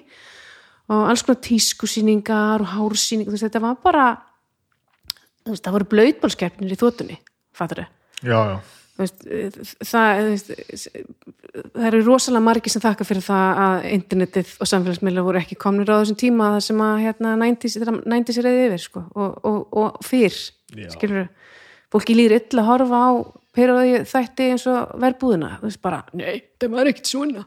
Bara, jú. Þetta var einmitt svona. Þú veitur svo stutt síðan maður. þetta, er svo, þetta, var, þetta var bara áðan. Já. eiginlega svolítið svo leis Hvað svo þegar að viðafræðin leysist upp? Hvað gerist þá? um, ég hætti að vinna og fór að hérna, nei hætti sk sk við skóla og fór að vinna ég fekk í sóttum og stöðu tvö á, á kynningadeild þar fyrir tilhjölin vingun mín var að vinna á söruldeildinni og það var eitthvað auðlust eftir starfi og ég bara hei já það er bara gaman að vinna stöð tvö þannig að ég sótti þarum uh, Bara undir 20 þannig að Já, allir sé ekki tutu og fór að vinna á kynningadeildinni þar. Þá hétt þetta Íslenska útastfélagi kynningadeild. Sem er svona eins og markasteild þetta saman kynningamáli, maður var að skrifa passa upp á veist, allar texta í blöðum og auðliskefna að fylgdu myndir. Veist, það var alltaf dagskrafsíðina með öllu hérna efninu og hérna haustkynningar sérst á Já, já, já. dagskráni og, og þar fannst ég maður rosalega skemmtilegu tími. Ég réð mig vinnu hérna ljósar það mætti dökkarð. Ég maður mér maður ekkert sérstaklega lána ég held að vera hafi ráðið einhver sæta ljósku keflæk og hérna, og hérna klippa með hári og lita svart þegar ég mætti síðan í vinnuna.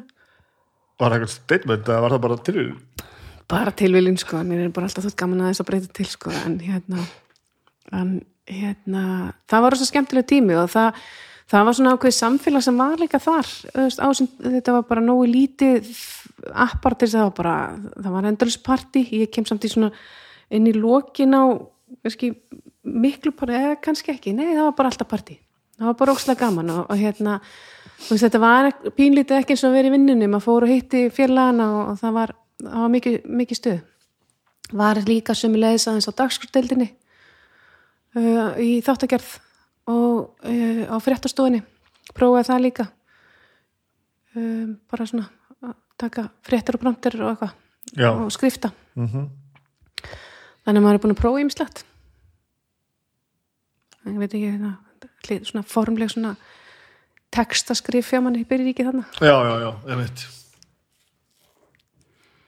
En já, ég held að sé svona rétt að komast yfir að núna að hérna maður, maður, maður er talað um hvað maður er alveg upp svona pínu ferkanda að hérna, ég, fyrir ekki, ég er alltaf horfnd á gluggan það er svo geggja útsitt Já, það er ástæða fyrir að þú sittur þarna með við borðið, sko, það er til þess að fólk getur hort ég, sko. hérna, ég er samt ekki svona dreymin að ég sé bara hérna, bara, að, hérna þetta er bara fallegt. Þetta er gott, sko. En hérna að, hérna, hann harpa vinkun okkar kendi mér það, ég lærði það svolítið í hæðinni að hérna, stundum má bæði. Verður ferkandagur og ekki var, ferkandagur varðandi íslensku Já, já, og já, skrif á íslensku og maður hérna einhvern veginn staf, veist, stafsetning og málfráðan þú veist, þetta átti bara að vera svona það er svolítið svona mitt uppeldi einhvern veginn að hérna þannig að, að hver hefur sinn stíl og annað að, að það hefur hérna hef, er eitthvað svona sem hefur lærst en, en allir, já, þarna hefur bara svona byrja svona fæ maður svona fyrstu skrefin í reynslu í, í textaskrifum og, og svo dagskaker sem hefur nýst mér bara svo vel sko Hva, Hvað varst í dagskakerinni? Hva, hvað varst að gera þar? Uh, ég var með þætti um kvikmyndir Já sem hétt Panorama Hvað svipur er þar? ekki svipur á mig veistu ekki hver ég var Já. Varst ekki ára stödd Nei, nei, ég meina það var hérna moment í lífinu þar sem ég áttaði með því að bara, ei, það er meira gaman að vera fyrir aftamyndaðilina. Já, varst ekki góð í þessu Jú, frábær.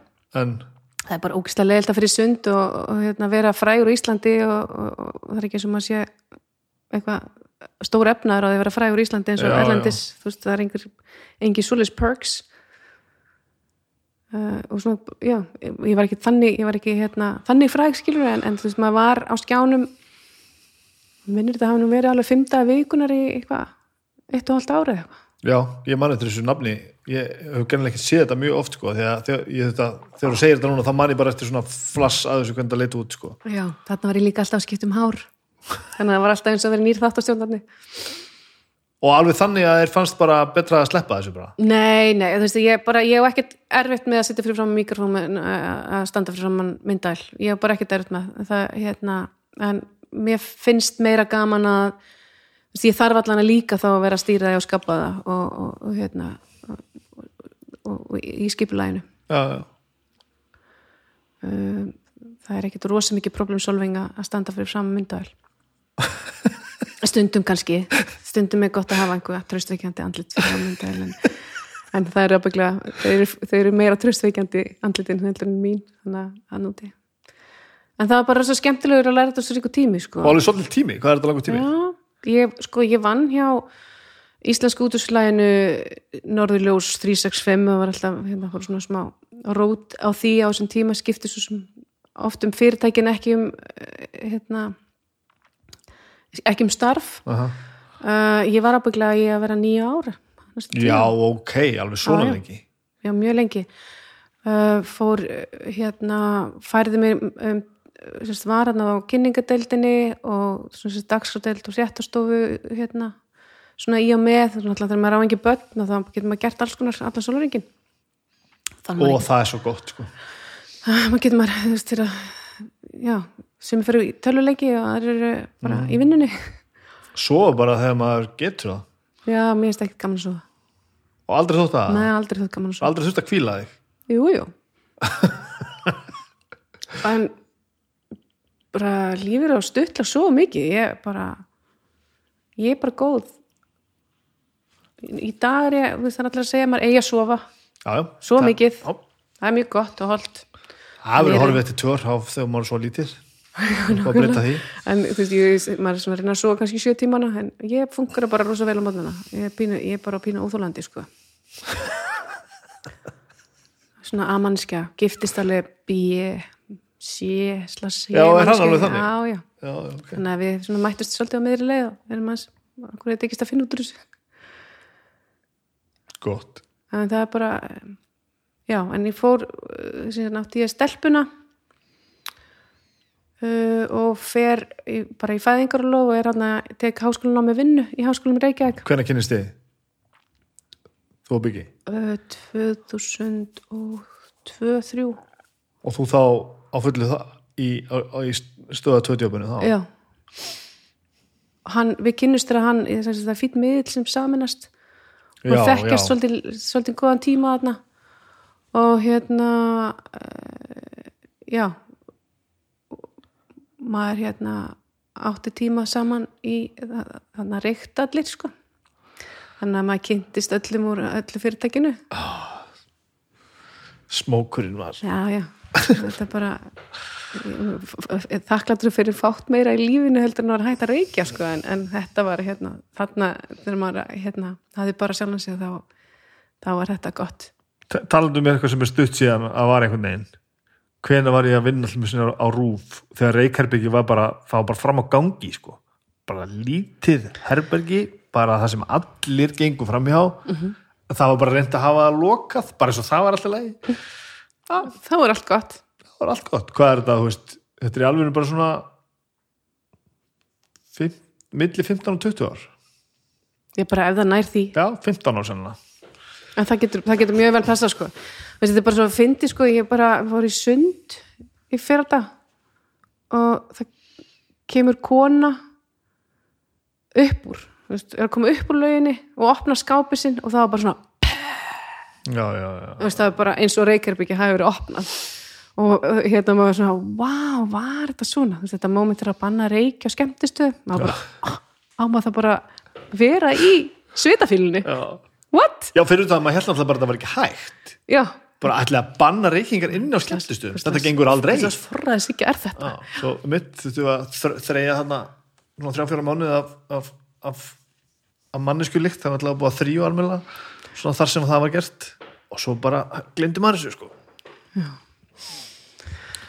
En já, við kynntist þarna við hérna og þekkt bara maður átti rosa marga góða vini uh, og hann var einn af þeim.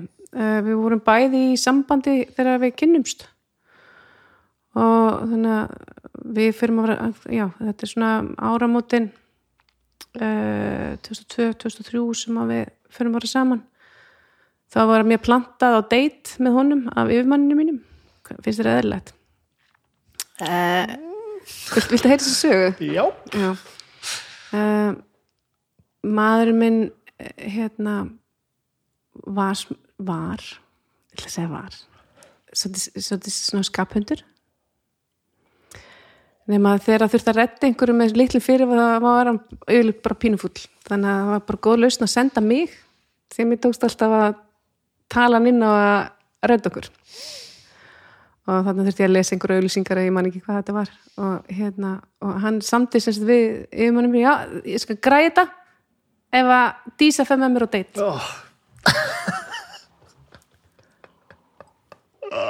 þetta þótti þeim bara óksla fyndi en þú veist, það var ekki þannig þetta var ekki eins og hérna skiplagt í, á Indlandi en, en þetta var sem sagt talsmátin og, og gríni var einhvern veginn þar. Já, já, þú veist, þið bara þegar maður er að reyna að staðsetja sig í allir þessari umræði sem er, er í gangi í dag, þú veist, það bara, þú veist, það hefur sem betur fyrir svo margt breyst og færst. Tilfærslan er bara búin, er svo mikil sem hefur átt sér stað á svona síðustu 15 árum. En, en já þannig að við erum bara fundum aðeins út úr þessu þá. Ég laði mig mikið fram með að, að hérna, þetta var ekki góð hugmynd. Já.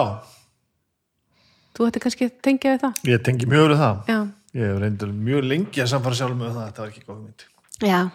og svo er maður bara sjúklega skotin og hamingisömmur og finnu bara að þetta er rétt einhvern veginn, þú veist.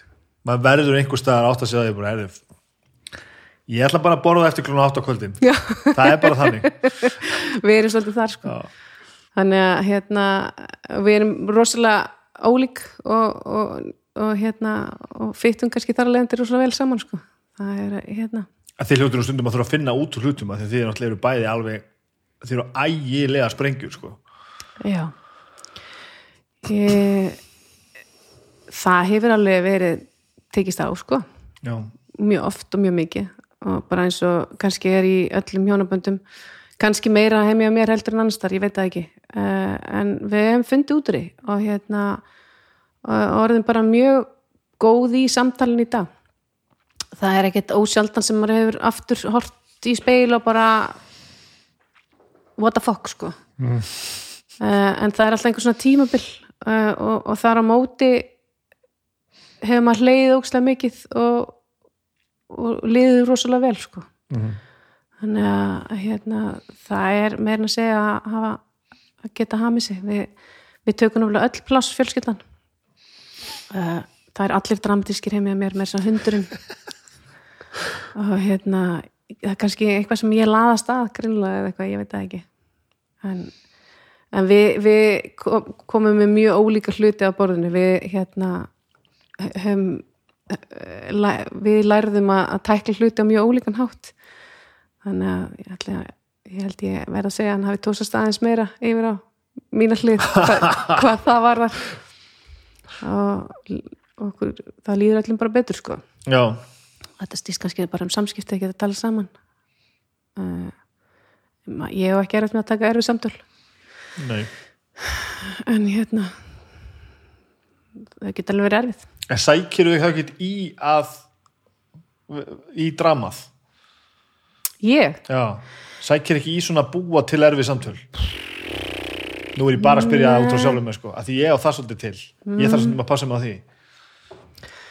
Nei, nei, bara alls ekki sko, ég, sko þetta, flækjan er kannski svo þegar maður er svona rosa ólíkur uh, og ég er það að fara yfir að með hann því að hún er með fundist mjög fyndi eftir að við fengum okkur hund sem er border collie að hann sé giftið border collie.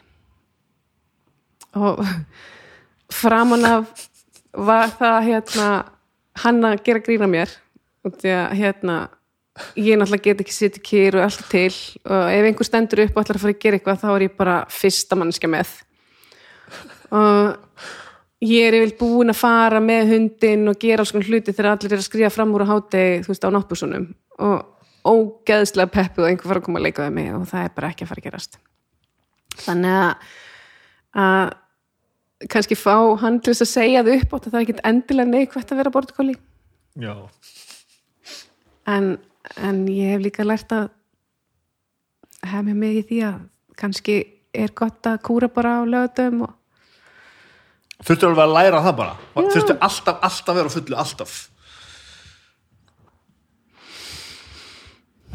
Kannski, já ég, ég sef alveg út en á milli, skilur en, en mér finnst bara lífið ógislega skemmtilegt. Og ég gæti alveg hugsa mér að byrja allar helgar að fara í bláfjöld og og vera komin á hátegi í sund og vera síðan á leiðin að fara að gera eitthvað. Bara eh, matabóðum kvöldið eða, eða í leikús eða hvað sem það væri sko. já, já. Mér, mér finnst það bara skemmtilegt það gefur mér rosa mikið að vera á ferðinni eh, já, ég fæ miklu orku út úr því um, Byggi fær miklu orku út úr því að kvíla sig þegar hann er ekki í vinnunni Já.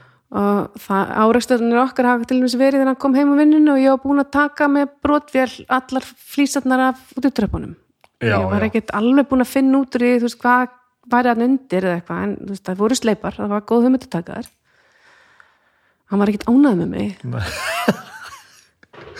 Og hann kannski upplöðað að hann þurfi ofta þá er ég ofta búið til verkefni sem hann þarf sem ég hann að hjálpa mér að klára já, því ég get ekki klárað einn þannig að það er kannski meira þannig sko.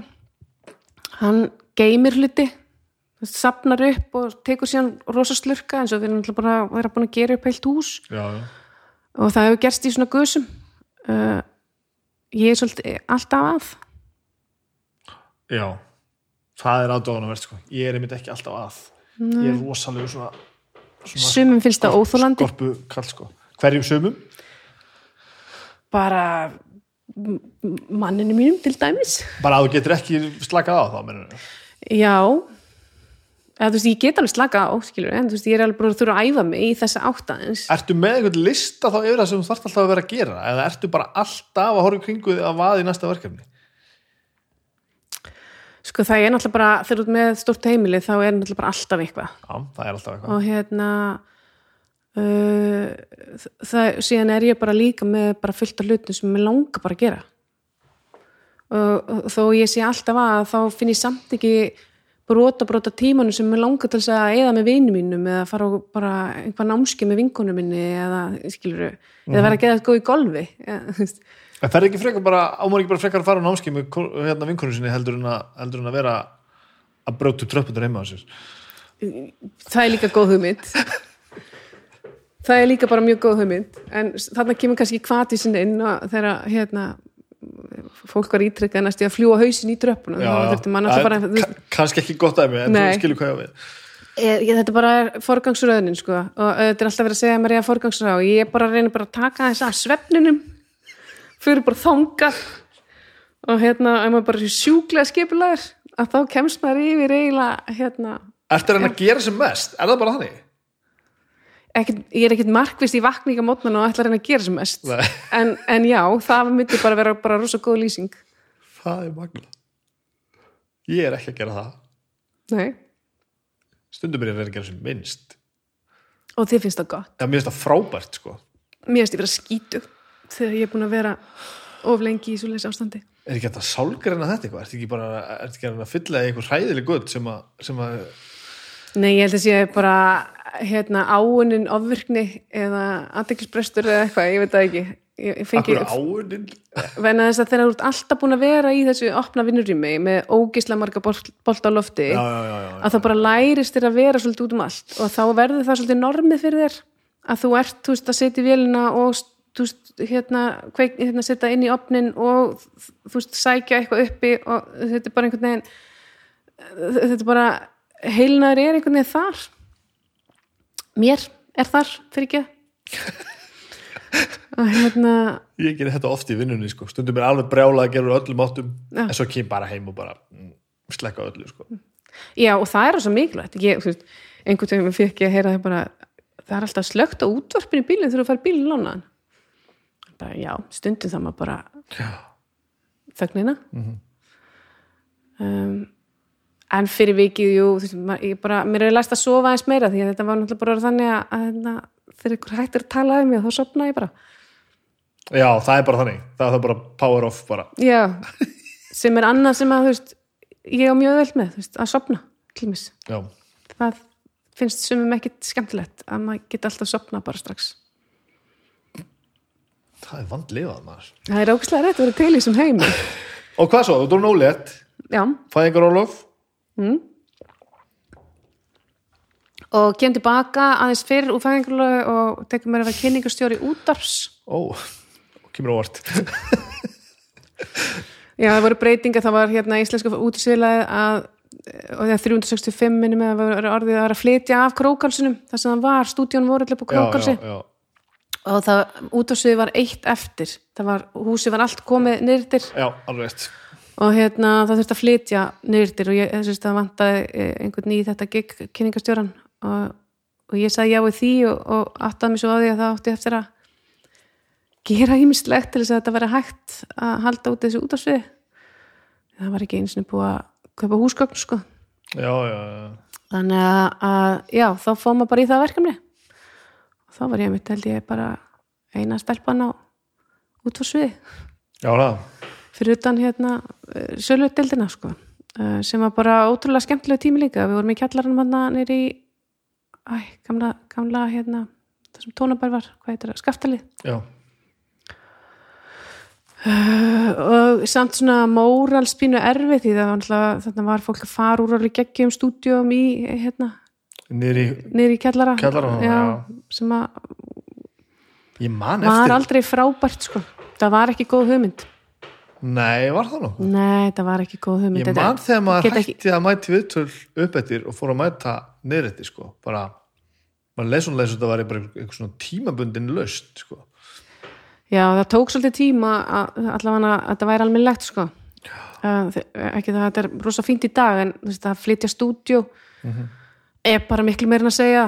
Þú veist, þetta eru þú veist, 50 miljón snúrur sem þarf að einhvern veginn að gera vera eitthvað og veist, svo er búið að gera geggja soundproof allt og það glimtist að passa upp á það hjá viftunni já, þannig að það kemur allt inn. Já. þannig að allir þessar miljónir sem voru settar í íburðin á fullkomna herbygginu er ónýtur út af einhverju viftu þú veist, þetta er bara það er alls konar svona hlutir sko þannig að, já, þá, en það var bara aftur, bara mjög svona hellings áskorun og mjög skemmtilegt. Mhm. Þaðan fekk ég tækifæri til þess að fara til útlanda. Ok, hérna byggi hérna tók upp á því að langt þess að fara í nám. Og og ég var mjög hikandi. Hann búin að vera þarna hljóð í hljóðvinnslunni hjá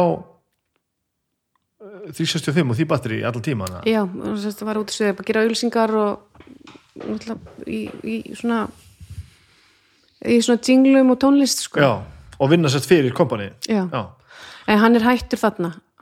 Uh, hann verður að segja þér þá sögur bara sjálf setna kemur að því. Það er mjög góð saga. En hérna uh, er bara búin að stopna sitt eigi fyrirtæki.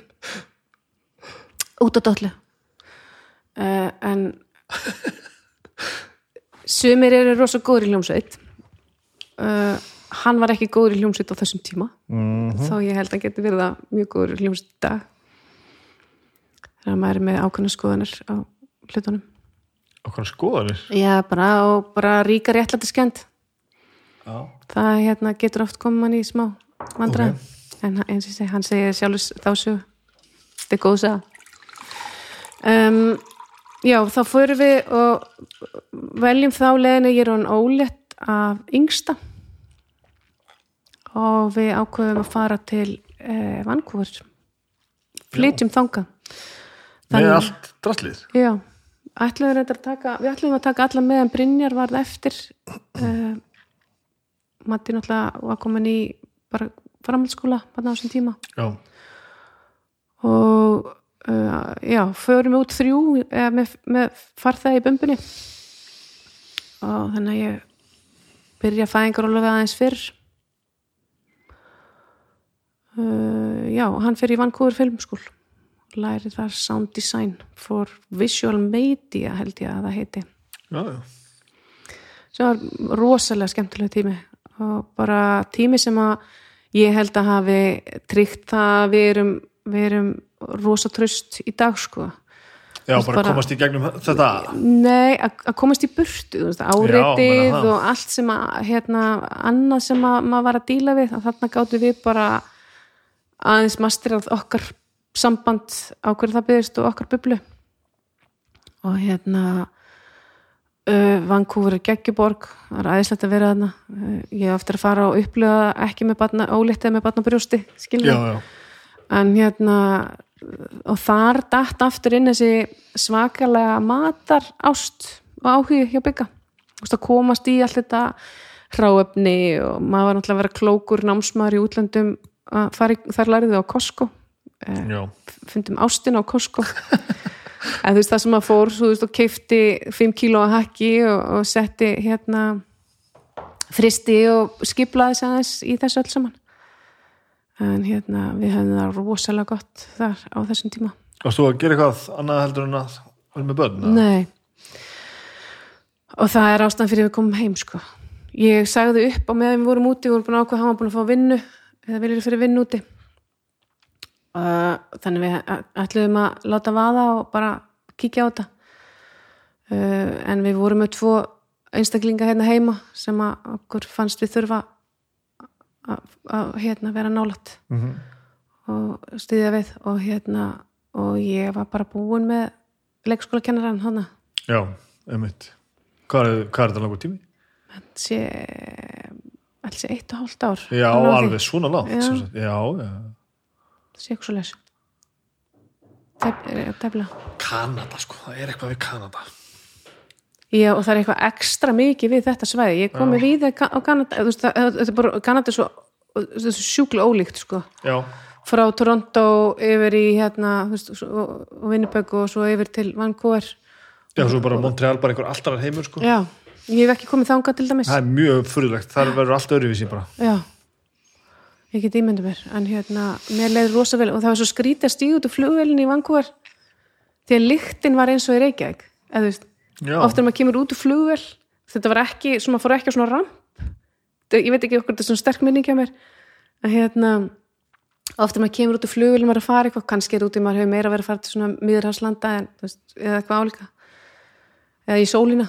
Og hérna þarna var bara lyktin var eins og í reykja það var svona fest, það var svona sjórin það var svona, það var eitthvað svona æ, þetta var bara hendaði Íslandinginu mjög vel að vera aðna já.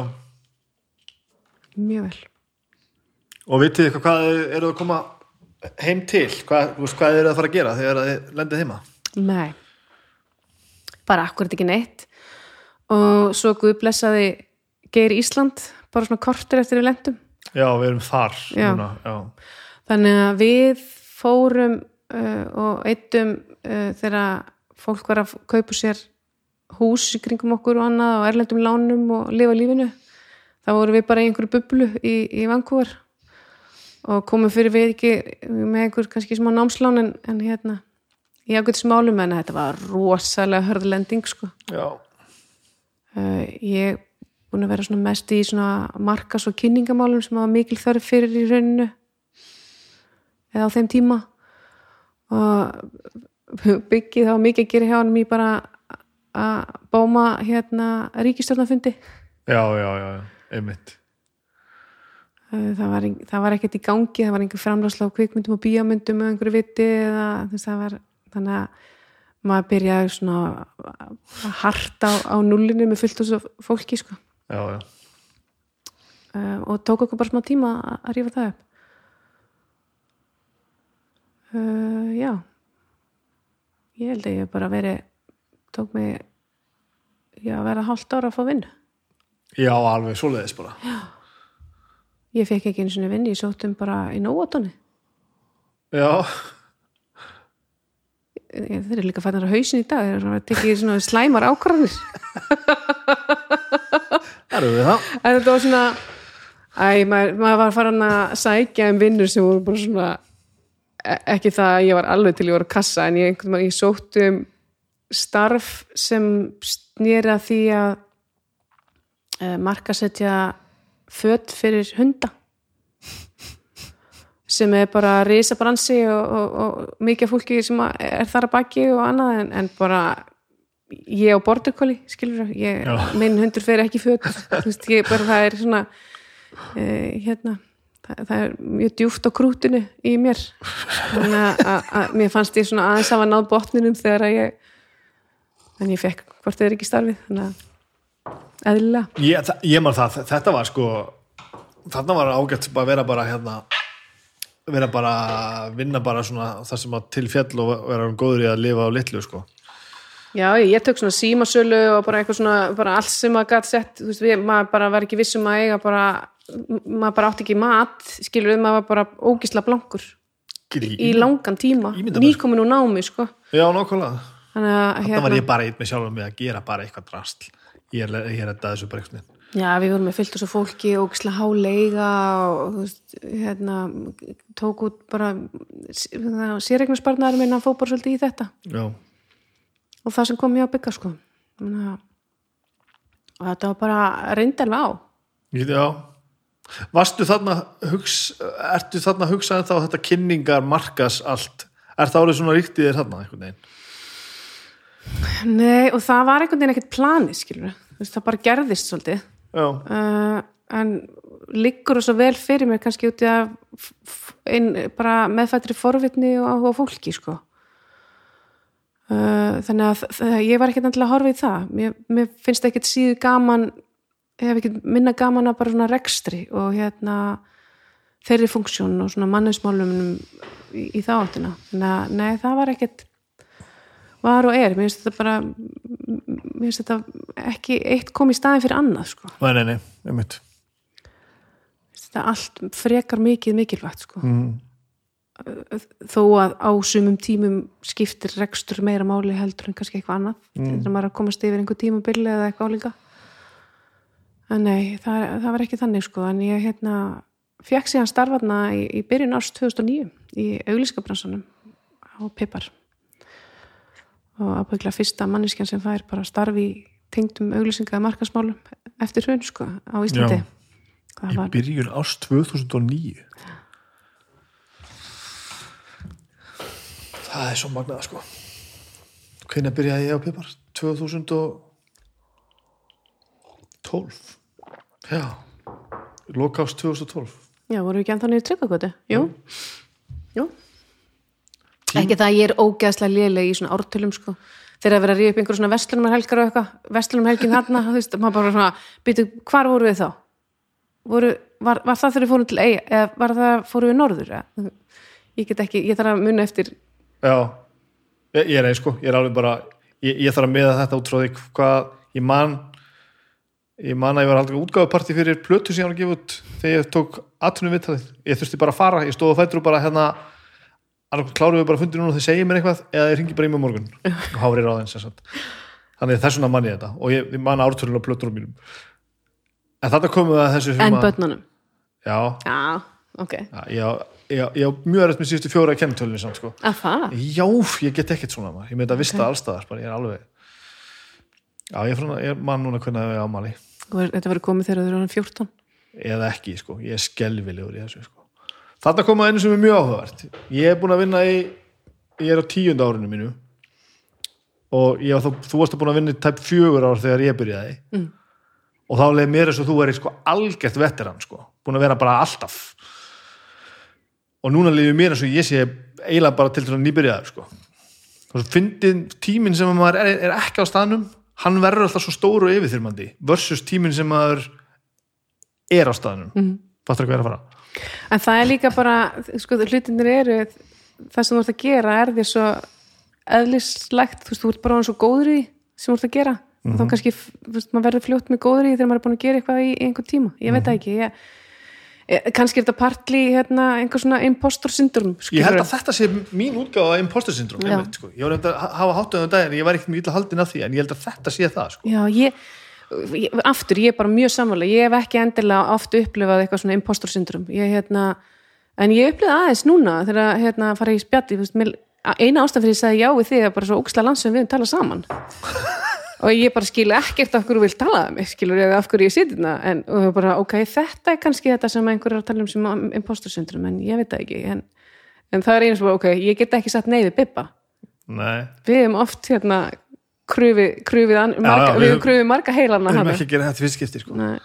Ná, ég held, ég held að síðan alveg partur af okkur þetta gengur fyrir mig sko að gera þetta hér. Það er það að ég er ekki bara að elda eitthvað fólk sem að þú veist, nú er ég ekki að tala þig niður sko, en þú, þú veist að ég fæði svolítið oft frá fólki sko, að því ég er bara að pikka út fólk sem að bara, já, ég held að það getur gaman að tala við þig. Mm. og það vil svo til að þeir sem gera hlutina framhúsgarandi verð eru stundum ábyrðið samfélaginu sko. Já, já, auðvitað er það þannig. Og þú ert líka bara hérna í þínum einlega hróka með ég áta í mánda, ég tala bara við það sem ég vil Þetta er bara fokkin þáttur um minn og ég ger þetta sem ég vil sko. og það er það sem gerir þetta frábært. Nei, ég kannski, mér er svona minnistætting sem að þeirra hérna satt ég sem krakki, þú veist svona skrítna minningar sem að maður á, það var pappi eitthvað að plotta fyrir í, og ræða við einhvern mann uh, að, út af vinnu hjá bróðum mínum reyna sérst að styrk hérna að segja, svona mér var að sækja um hér og ég veit ekki hvort hann fekk vinn ég, ég, ég er það mikil kjánið það sko. En, en það hefur oft setið í mér og ég hef rætt þetta við hérna einu vinkunum mína sem átti svona hérna, félagslega sterkan pappa líka sem bara bara throw it at me og ég finn út úr því sko. Ég, hérna, ég, ég hef alltaf verið til að standa undir því ef ég segi já og þá er það út því ég tristi mig til að standa undir því en ég segi þetta var svona fyrsta skipti sem að svona pínu impostorsyndrum reyndar fekk ég um daginn þar sem ég var alltaf að lesa inn upp leikmenn á handbóltaleik Númer sjö. Var alltaf innu þar. Og það var bara, það var kannski ekki impostorsyndrum ég var oftur að hugsa þetta hvernig þessi tilfinning er hérna, mér finnst þetta áhugað þá er svo margir sem tala um þetta Þetta er ekki bara meira svona að vera eitthvað out of place? Já, það, ja, og það var bara og það var niðurstaða mínu, veit ég hef bara, nei, þú veist, bara af hverju er ég hér? Hva, hvað gerðist já, sem tek, er svo skemmtilegt? Ég teki alveg við þetta, sko. Ég, já, já. Já. En svo er þetta alltaf bara einhver spurning um einhver afstöð, eins og, eins og þessi þú veist, sumum finnst einhvern veginn ekkert mála að mæta einhverju viðtöl, sko. Á meðan aðrir eru bara, hvað hvað er að gerast? Veist, og svo einhvern veginn, ég held að þetta lúti einhverju lögmálum sko. Já, örgla, og kannski hérna eitthvað svona ég veit ekki hvort það sé út ef maður er á, á reynslu vanur því eða hvort maður sé svona óspérrættur mm. eða veist, mér veist ég ekki hafa eitthvað meira til málan leggja en, en hver annar skilru en eins og við vorum hérna vinnur okkar hafi gaman að gera sjómanstjátt í kringum framkvæmdur hjá okkur og það kannski og lýsir okkur skilur við, þú veist, ekkert mál. Já, já. þú veist, já, já, ok. Og hérna og kunnum alveg að búa til sjónvarp sko. Já, já, ég mitt og finnst þið það minna mál að segja já við því heldur þú að komið við það hingað, ja, minna mál finnst þið þetta að vera meira mér finnst það meika meira sens, þú veist, ég var að fara að brjóta niður veggi, skilur og þú veist, vera með vesen fattar þau þannig ég, þú skildi það kannski betur heldur en að drekka kaff út af nesi já, ég skilji, ég skilji og taka það upp. Hvað varstu, hvað jobb fegstu þú byrjar á Pipar, hvað varstu að gera þá? ég var viðskiptastjóri. Svona tengill. Tengill, já. Það var sagt að þú har ekkert gert svoleiði slutti á þér þá? Nei, raun ekki sko. Var náttúrulega bara búin að vera kynningastjóri á markasmálin á, á hérna stöð 2 og, og hérna og í að mörguleiti svona sambarlegum hlutum sko en ekki endilega kannski beint að sinna því mm.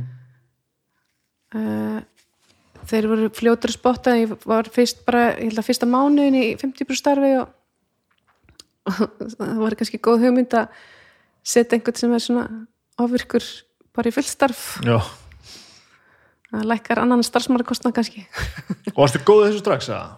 Já, þetta líku, fólk bara líku vel við hérna fyrir mér að hérna því að þetta er svona problem solving líka.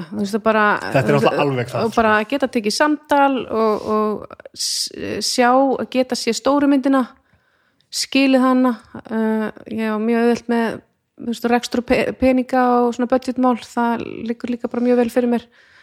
Þannig að já, þetta bara hendaði mér bara mjög vel. Mm -hmm svona, maður hafi verið svona í og með að þjálfa sig upp svona, svona strategist líka hérna í svona þannig hugsun sko Já. þó sem ég hef ekki beint komið við auglýsingabransan sem slíkan Nei. en hann er bara það er, hann kennir manni ótrúlega mikið eins og þú getur bara veitnaðu sjálfur, það er bara svona maður þarf að hafa vera rosa fljótur að setja sig inn í aðstæður hafa skilningu aðstæðum uh, skilningu ólíkum brönsum sem maður kannski myndi aldrei fara að vinna endurlega í en þú þarfst að skilja út af hvað þetta gengur. Það er svolítið það sko. Ég tengi stert við það. Og já, þetta er svolítið svona trivial pursuit þekking mm. sem þú þarfst að hafa bara ja, á aðunlífinu sko. Akkurat, bara svona, hafa svona cirka bólpark hugmyndum á hvernig það virkar. Og, og læra inn að hvena nýtur þið sérfræðingar og hvena fara að ringi við inn skilur við, mm -hmm. bara til þess að fara á dýftina. Og, og það er kannski þar sem að maður hefur síðan bara þróast kannski svolítið í dag að maður hérna ég, það er ekki það eru stöku verkefni í vinnunum mín í dag þar sem ég fer alveg mjög á dýftina en mest er ég í hérna hérna í, í kringum yfirborðið. Skilur, að hafa bara í yfirsinninni að fylgjast með í, í þá áttina sko.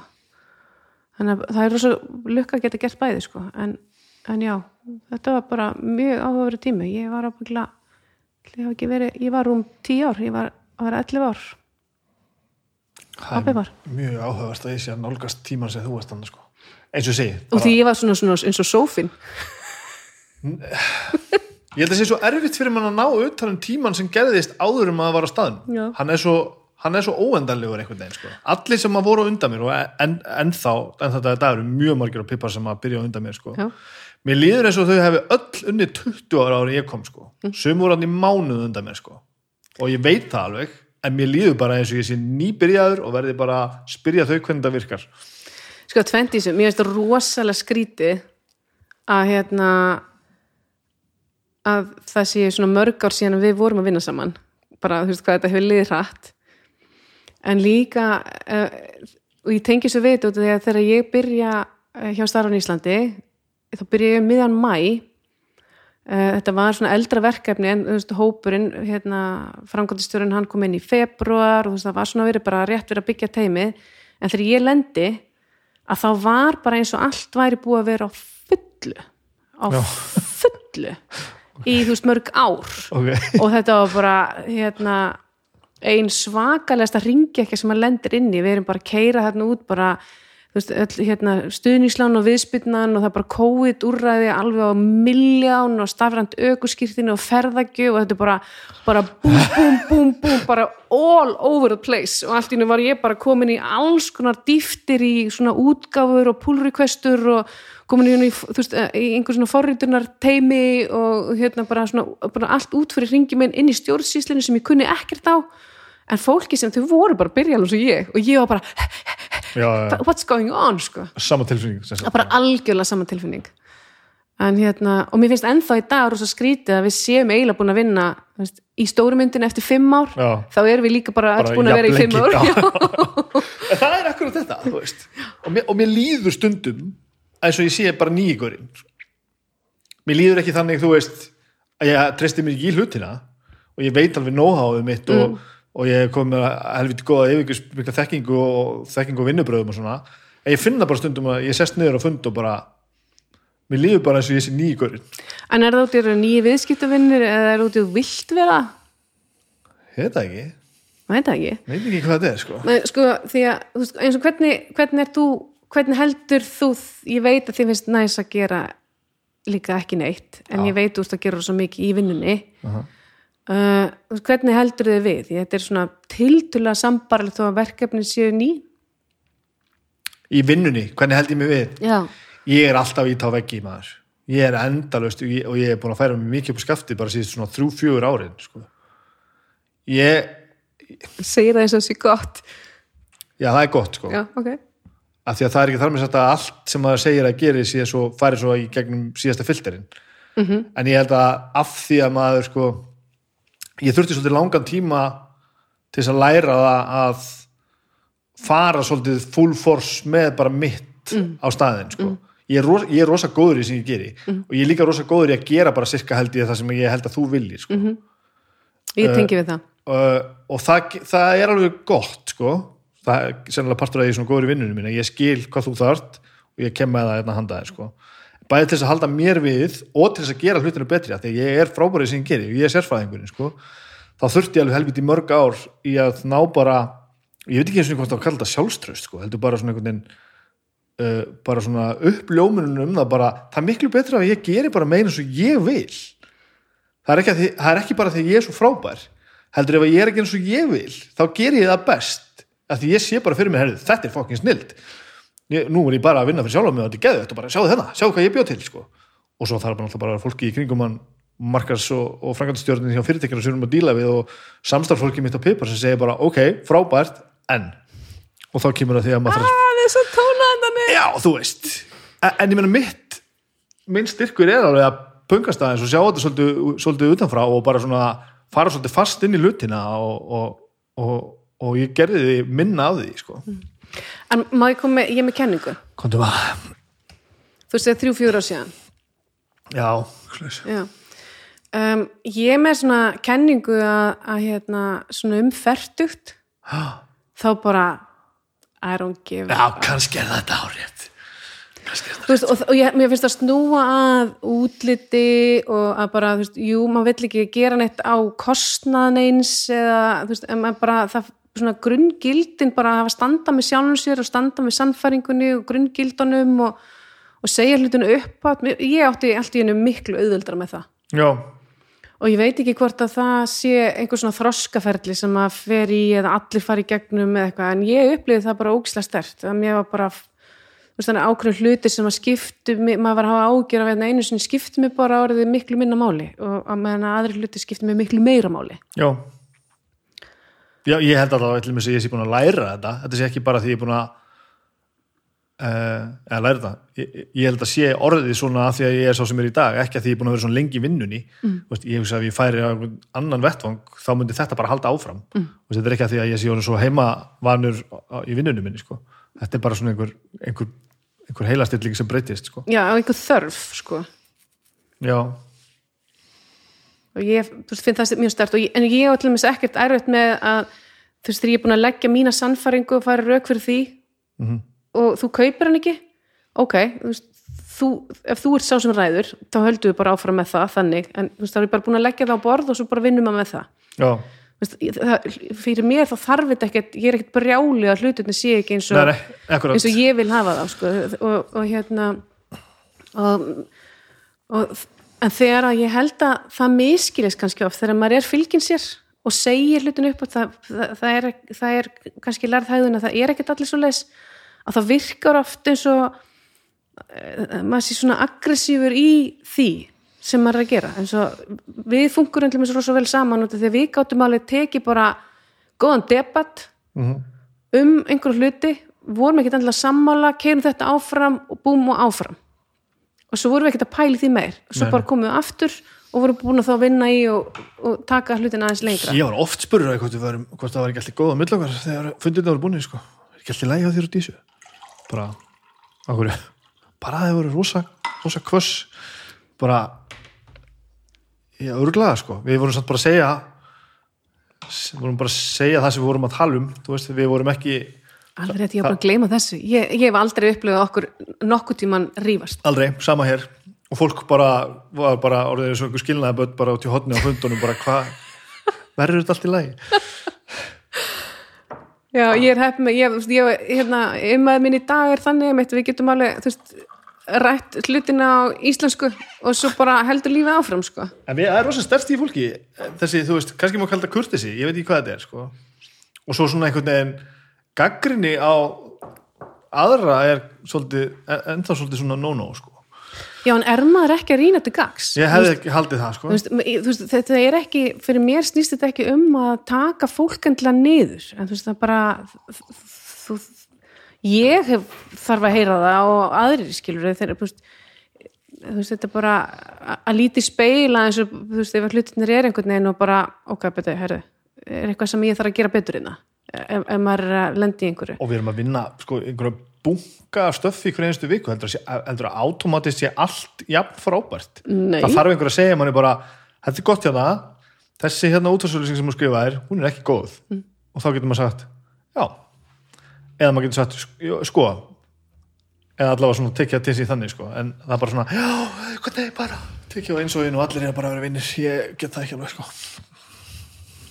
Nei, en það henda mér ekki heldur sko, en ég held að það verði uh, framfærir verði í, í kemistríinu sem að þeirra fólk ræðir saman. Já, og, veist, og það er kosturinn við að þú setur saman fólk sem að er ólíkt. Ég er bara, bara að vera í hópi sem að er, kemur úr ólíkum áttum eh, finnst mér rosalega mikill styrkur uh, og með ólíka sérfræðingi finnst að þá getum við að spotta hluti svona hérna sem að ég sé ekki. Það er eitthvað sem þú spottar strax og öfugt sem er bara eitthvað no-no sem er í gangi. Uh, þú veist, í þínu starfi. Um, hjá mér er það líka bara þú veist, nei, þetta er ekki hægt sem að, hérna, mér þykir óþólandi setning.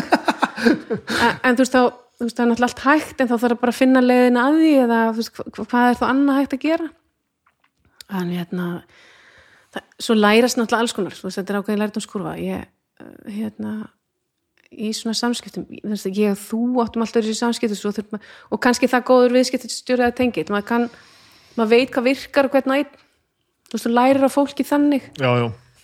Uh, þú hefur ekki gert mikið fyrir mig ef ég hefði sagt elsku krúti mitt. Nei, bibba lingurinn minn. Nei, það hefði ekki virkað allavega ekki oft í röð, skulum við segja. Nei. En hérna en út upp á alls það virkar og ég er svo einfaldur sko. þú kennir við samt eitt, mjög mikilvægt sem að ég þarf stundum að hugsa um og ég gleymi það er hérna ég held að við bara sagt þetta cirka beint út einhvern tímann sko. þú ert ekkert að býða eftir neinu sko. ég man ekki nákvæmlega hvernig orðalagi var en máli var sko hérna það er svo stert í manni að vera að býða eftir einhver annar geri ekki það að maður sé latur sko, heldur bara svona í staðin fyrir að segja bara, já, hörru, ég með þetta hér höfum þetta svona. Og, og ég er fyrir að segja þetta upp á þetta fólki sem er að, er að byrja nýtt. Ok, við erum með verkefni þannig þú þarfst að skrifa þennan part af þessu ég þarf að skrifa þennan part af þessu. Gerð þú þetta bara eins og þú vilt sko. að því maður var alltaf svona bara já, já, nú er ég nýja gæðin eða eitthvað svona, já,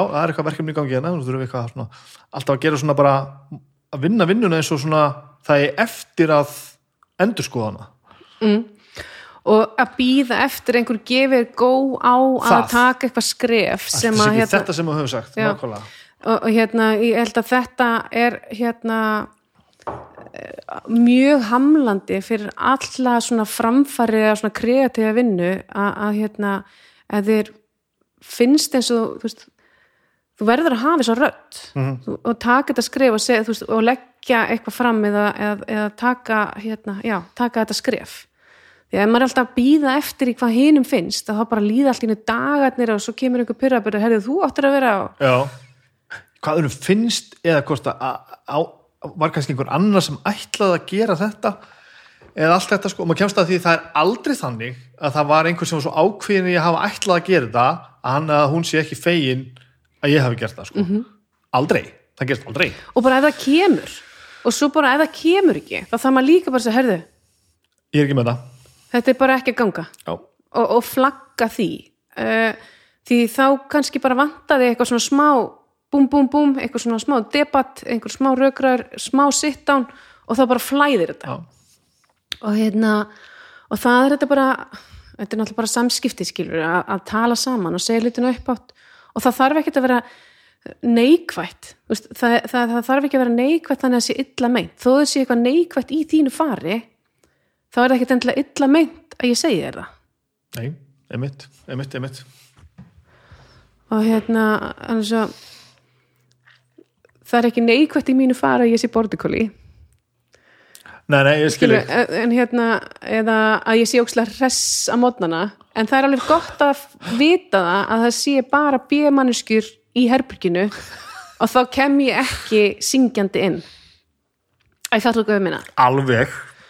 Þannig að hérna, við erum alls konar. Og mann hérna, stærsta sérstaða getur náttúrulega oft unni jafn mikið með manni og móti manni já, það er oft þannig, mann þarf að læra það sko. og sjúklega gott að vera meðvitað þá um það því að svo kemur þetta bara í svona gusum stundum er hérna þetta er bara allt upp og niður einhvern veginn og, og hérna allt rennur bara gengur óksla vel og, og stundum þá maður bara ströggla eins við það.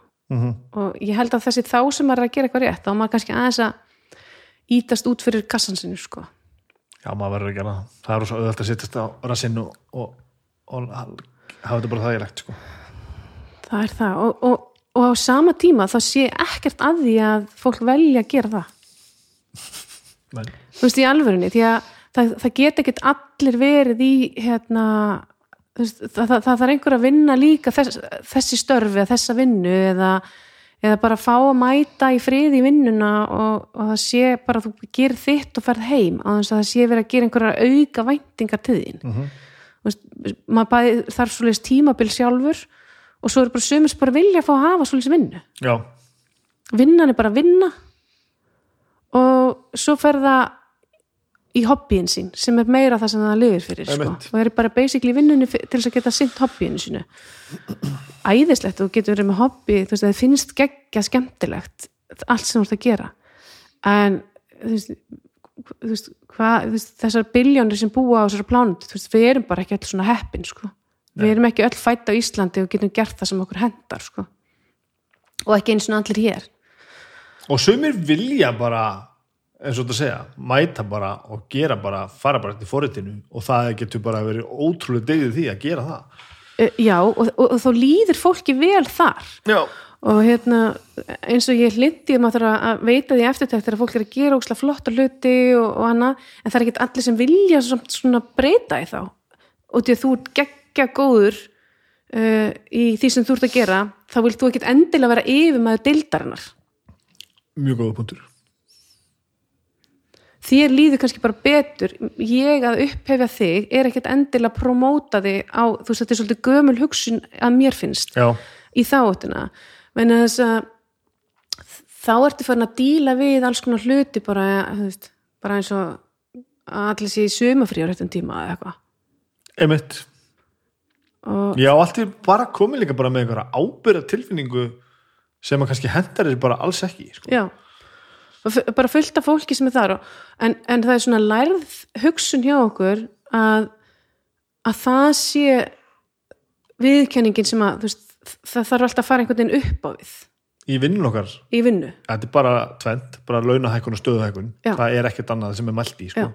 Sem er algjört kjastæði sko. Eh, sem er bara, sem er bara rosalega gömul hugsun sko já, Uh, og ég held að maður finni það svolítið samt svona, það er kannski vonandi að breytast og kannski COVID er mitt búið að breyta því mjög mikið líka og bara þú svona með, með svona góður hlutinni við fjárvinnu og þar fram í göttunum Mhm. uh, mér hendar fjárvinna rosalega illa já, uh, þó sem mér finnst gott að hafa það með Þú veist, ég, ég fæ bara legusar sko. Ég sit bara við, ég helli upp á kaffi og svo bara sit ég bara þangað til að já, já það er það sem gerist hjá þeir Já, það er enginn sem kemur að tala við mig ég sé ekki, þú veist, það er ekki að standa upp á, í kaffivélina, þú veist, ég er bara tilbúin eins og hérna, með brúsan og vatnið og, og svo bara ah, reynir bara að standa upp og hérna, og allt í nema bara hann gamalmenni ég er bara rosalega góður í tvo daga. Heima. Og- já, þannig að ég bara gera allt sem þurft að gera alveg ógeðslega hratt Já, og, ógeðslega vel Já.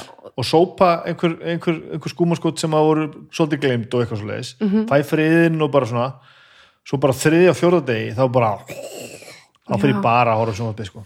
Það er náttúrulega ástæð fyrir því að sko, einangrun hefur virkað sem pyntingar aðferði gegnum aldirna Já, sko. maður, þetta er skelfilegt bara orkan sem að fær þannig, þannig að það er svo gott að geta þeir sem geta, geta, geta, geta einhvern veginn rótur að þessu þetta er náttúrulega að reyna ótrúlega á hann en það er ótrúlega hvað hægt að halda gangandi einmitt svona. Í svona fjár hérna vinnu hérna hva- hvað margt hægt er að endur hugsa ímislegt og maður finnur alls konar óþarfa. Ég er sammálega, mér finnst það rosa gott að geta dreifið mig hlýð og stundu það maður bara tíma allir þess að fókusura Mhm.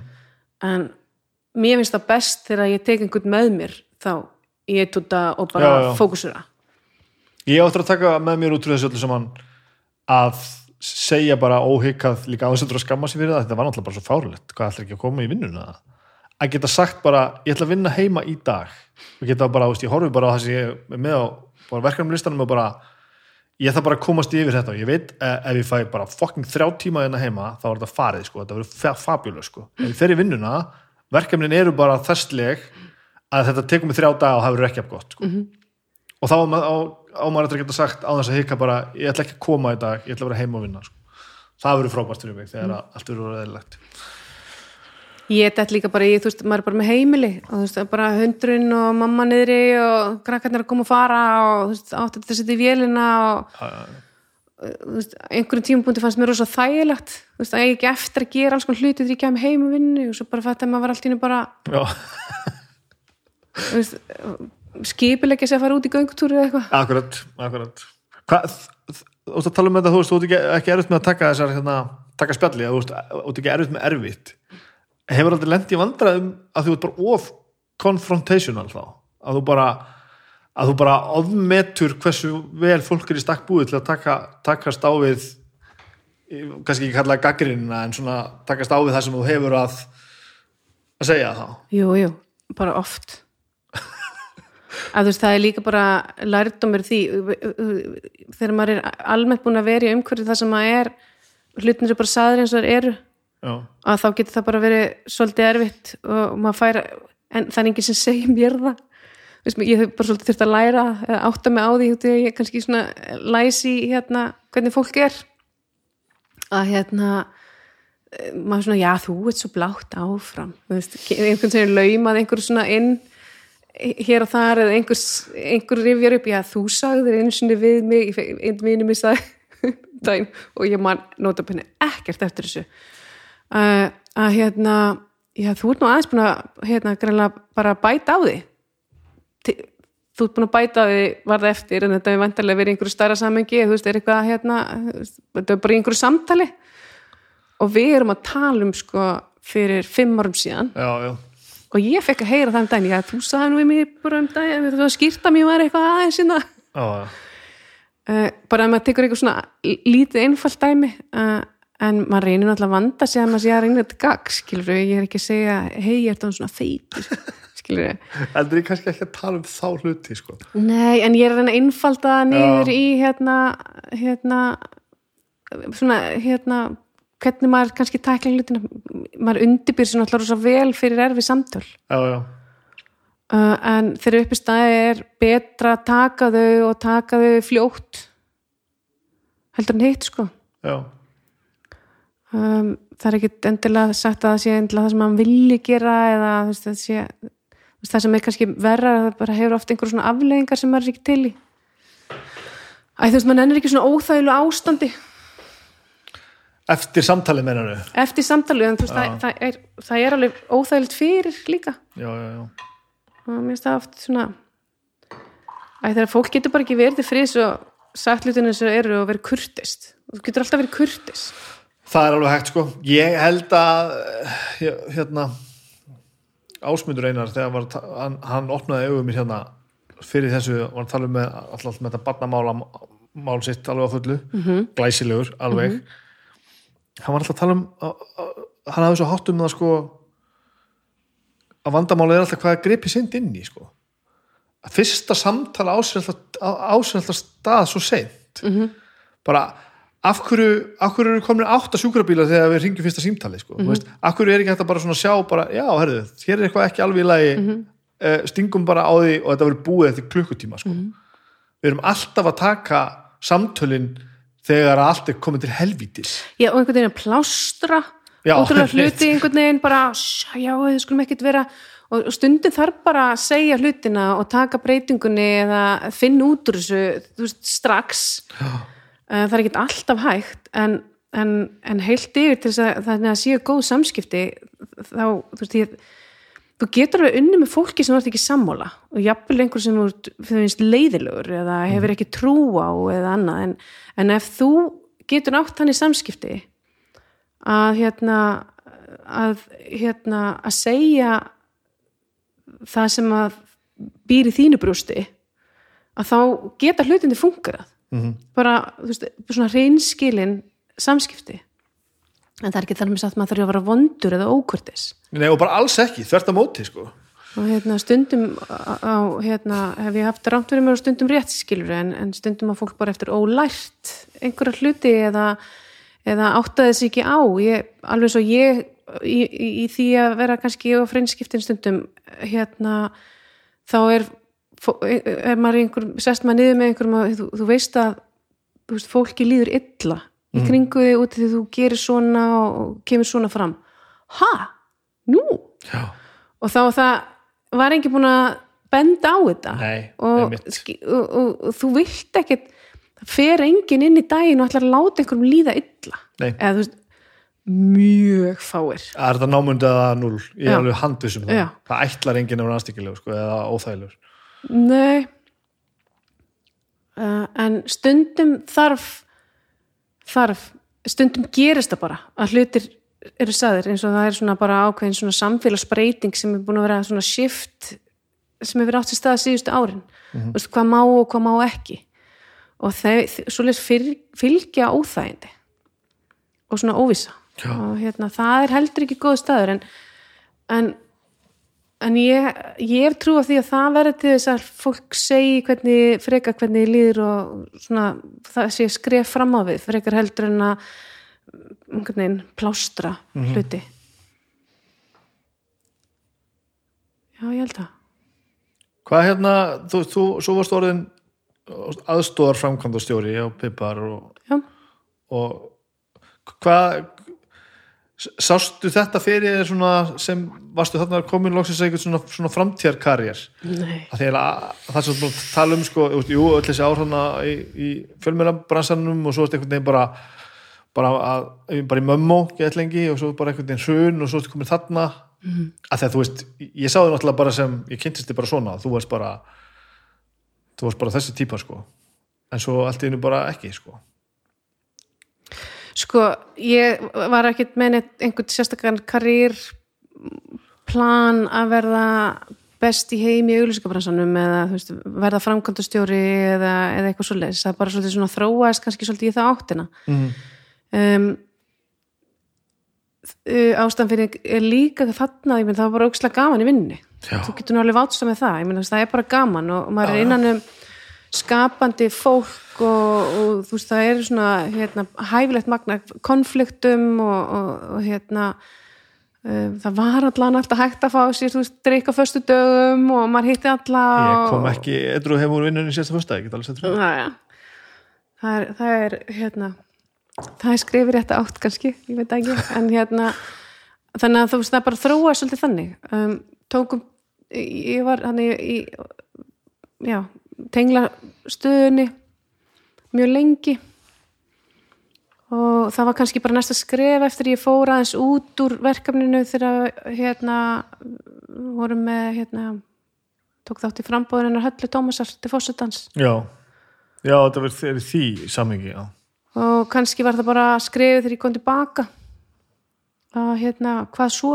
Uh en já, ég ætlaði mér ekkit endilega alltaf að vera þar sko, en, en, en á meðan maður er að gera gagn og maður er að gera eitthvað sem að hérna, er að gefa mér eitthvað tilbaka líka þá er það svo góð tilfinning. Þannig er maður líka bara líða fullt af árum út við erum líka bara bara koma undir okkur löppunum og reyna að koma veist, börnunum einhvern veginn sómasamlega á fætur og, og, og þar saman til göttunum sko. þannig að það er kannski ekki endilega tíminn sem að maður er eitthvað mikið að líti kringu sig. Ég líka bara kostur og galli kannski og rosa lojal í því sem ég það sem ég er sko. Ég, ég er bara í þessu núna og þú veist að það bara svolítið að banka svolítið fast í öxluna mér að ég á að fatta að ég á að vera, að vera góð hugmynd að gera eitthvað annað eða- maður, maður, maður, er ekki hérna að fletta atvinnu auðlýsingunum eða hérna, ég er bara aldrei með eitthvað annað agenda, þú veist, ef ég er með eitthvað annað agenda heldur en ég er í núna þá er ég búin að segja þið frá því. Já, einmitt. Og mér þykir óþægild að vinna með fólki sem ég upplifi vera með eitthvað annað agenda. Já, uh, og það hérna þannig að, að og, en það var samt svo sem ekkert ástæðan fyrir ég hæ- hætti þetta þetta er bara, þegar 11 ára bara heldur góðu tími. Það er bara uh, var komið tími bara að gera eitthvað allt annað. Og uh, þess að og mér var tótt þetta ótrúlega erfið ákvörðun út af því að veist, það eru svo margir sem að mig langar að taka þetta spjall við að fólkinu sem að maður var að vinna með, maður er svo mikill Íslendingur í sér að þetta verður bara svo mikil vinir manns veist, bara, og nú er bara fullt af taka þetta spjall mennur já, já, já, já. fullt af vinnufjölugum okkar eða þínum í dag sem að veist, ég hef ekki hitt ókslega lengi og ég veit ekki veist, hvernig börnánuðin er að líður eða Nei, nei, veist, hvernig allt þetta er sem voru bara stór hluti það er svona, eins og maður á einhvern svona hópi kringu sem maður er unglingur og svo djammið og svo skólinn og svo þessi vinnustæri hinn og, og, allt þetta fólk á pláss einhvern veginn alltaf í, í, í, í, manni eða hjartanum, Maður hug- þú veist, það er svo margir sem maður hugsar mikið til. Það er ofbóðslega margir sem eru búin að vera ofbóðslega lengi sko. mjög lengi sko. Þú veist, ég á svona fólk með þess að bara þess að sakna maður kannski þú veist, þess að, þú veist, maður sendi ekki inn í jólakort í ár, þú veist, þetta er bara Já, já. bara, veist, leiðin til þess að geta, veist, ekki póka maður á Facebook, skilur en, en bara, þú veist, geta þess að bara, hei þú veist, án skuldbindingar bara, herra, ég er ofta að hugsa til þín, Já, hugsa hlýlega til þín og hérna, maður svona, ég svona reyni inn á milli, en, en ég bara ég er ekki góð í þessu, uh, á meðan að það er svona veist, það er bara, já, ég á bara fullt af fólki sem að mér þykir ofbásla væntum. Uh, og það gerði eins og þessum minnust að ennir á Pepa gerði það mér að mjög erfið ákvörðun að, að hætta. Og ég tók mér langan tími í það.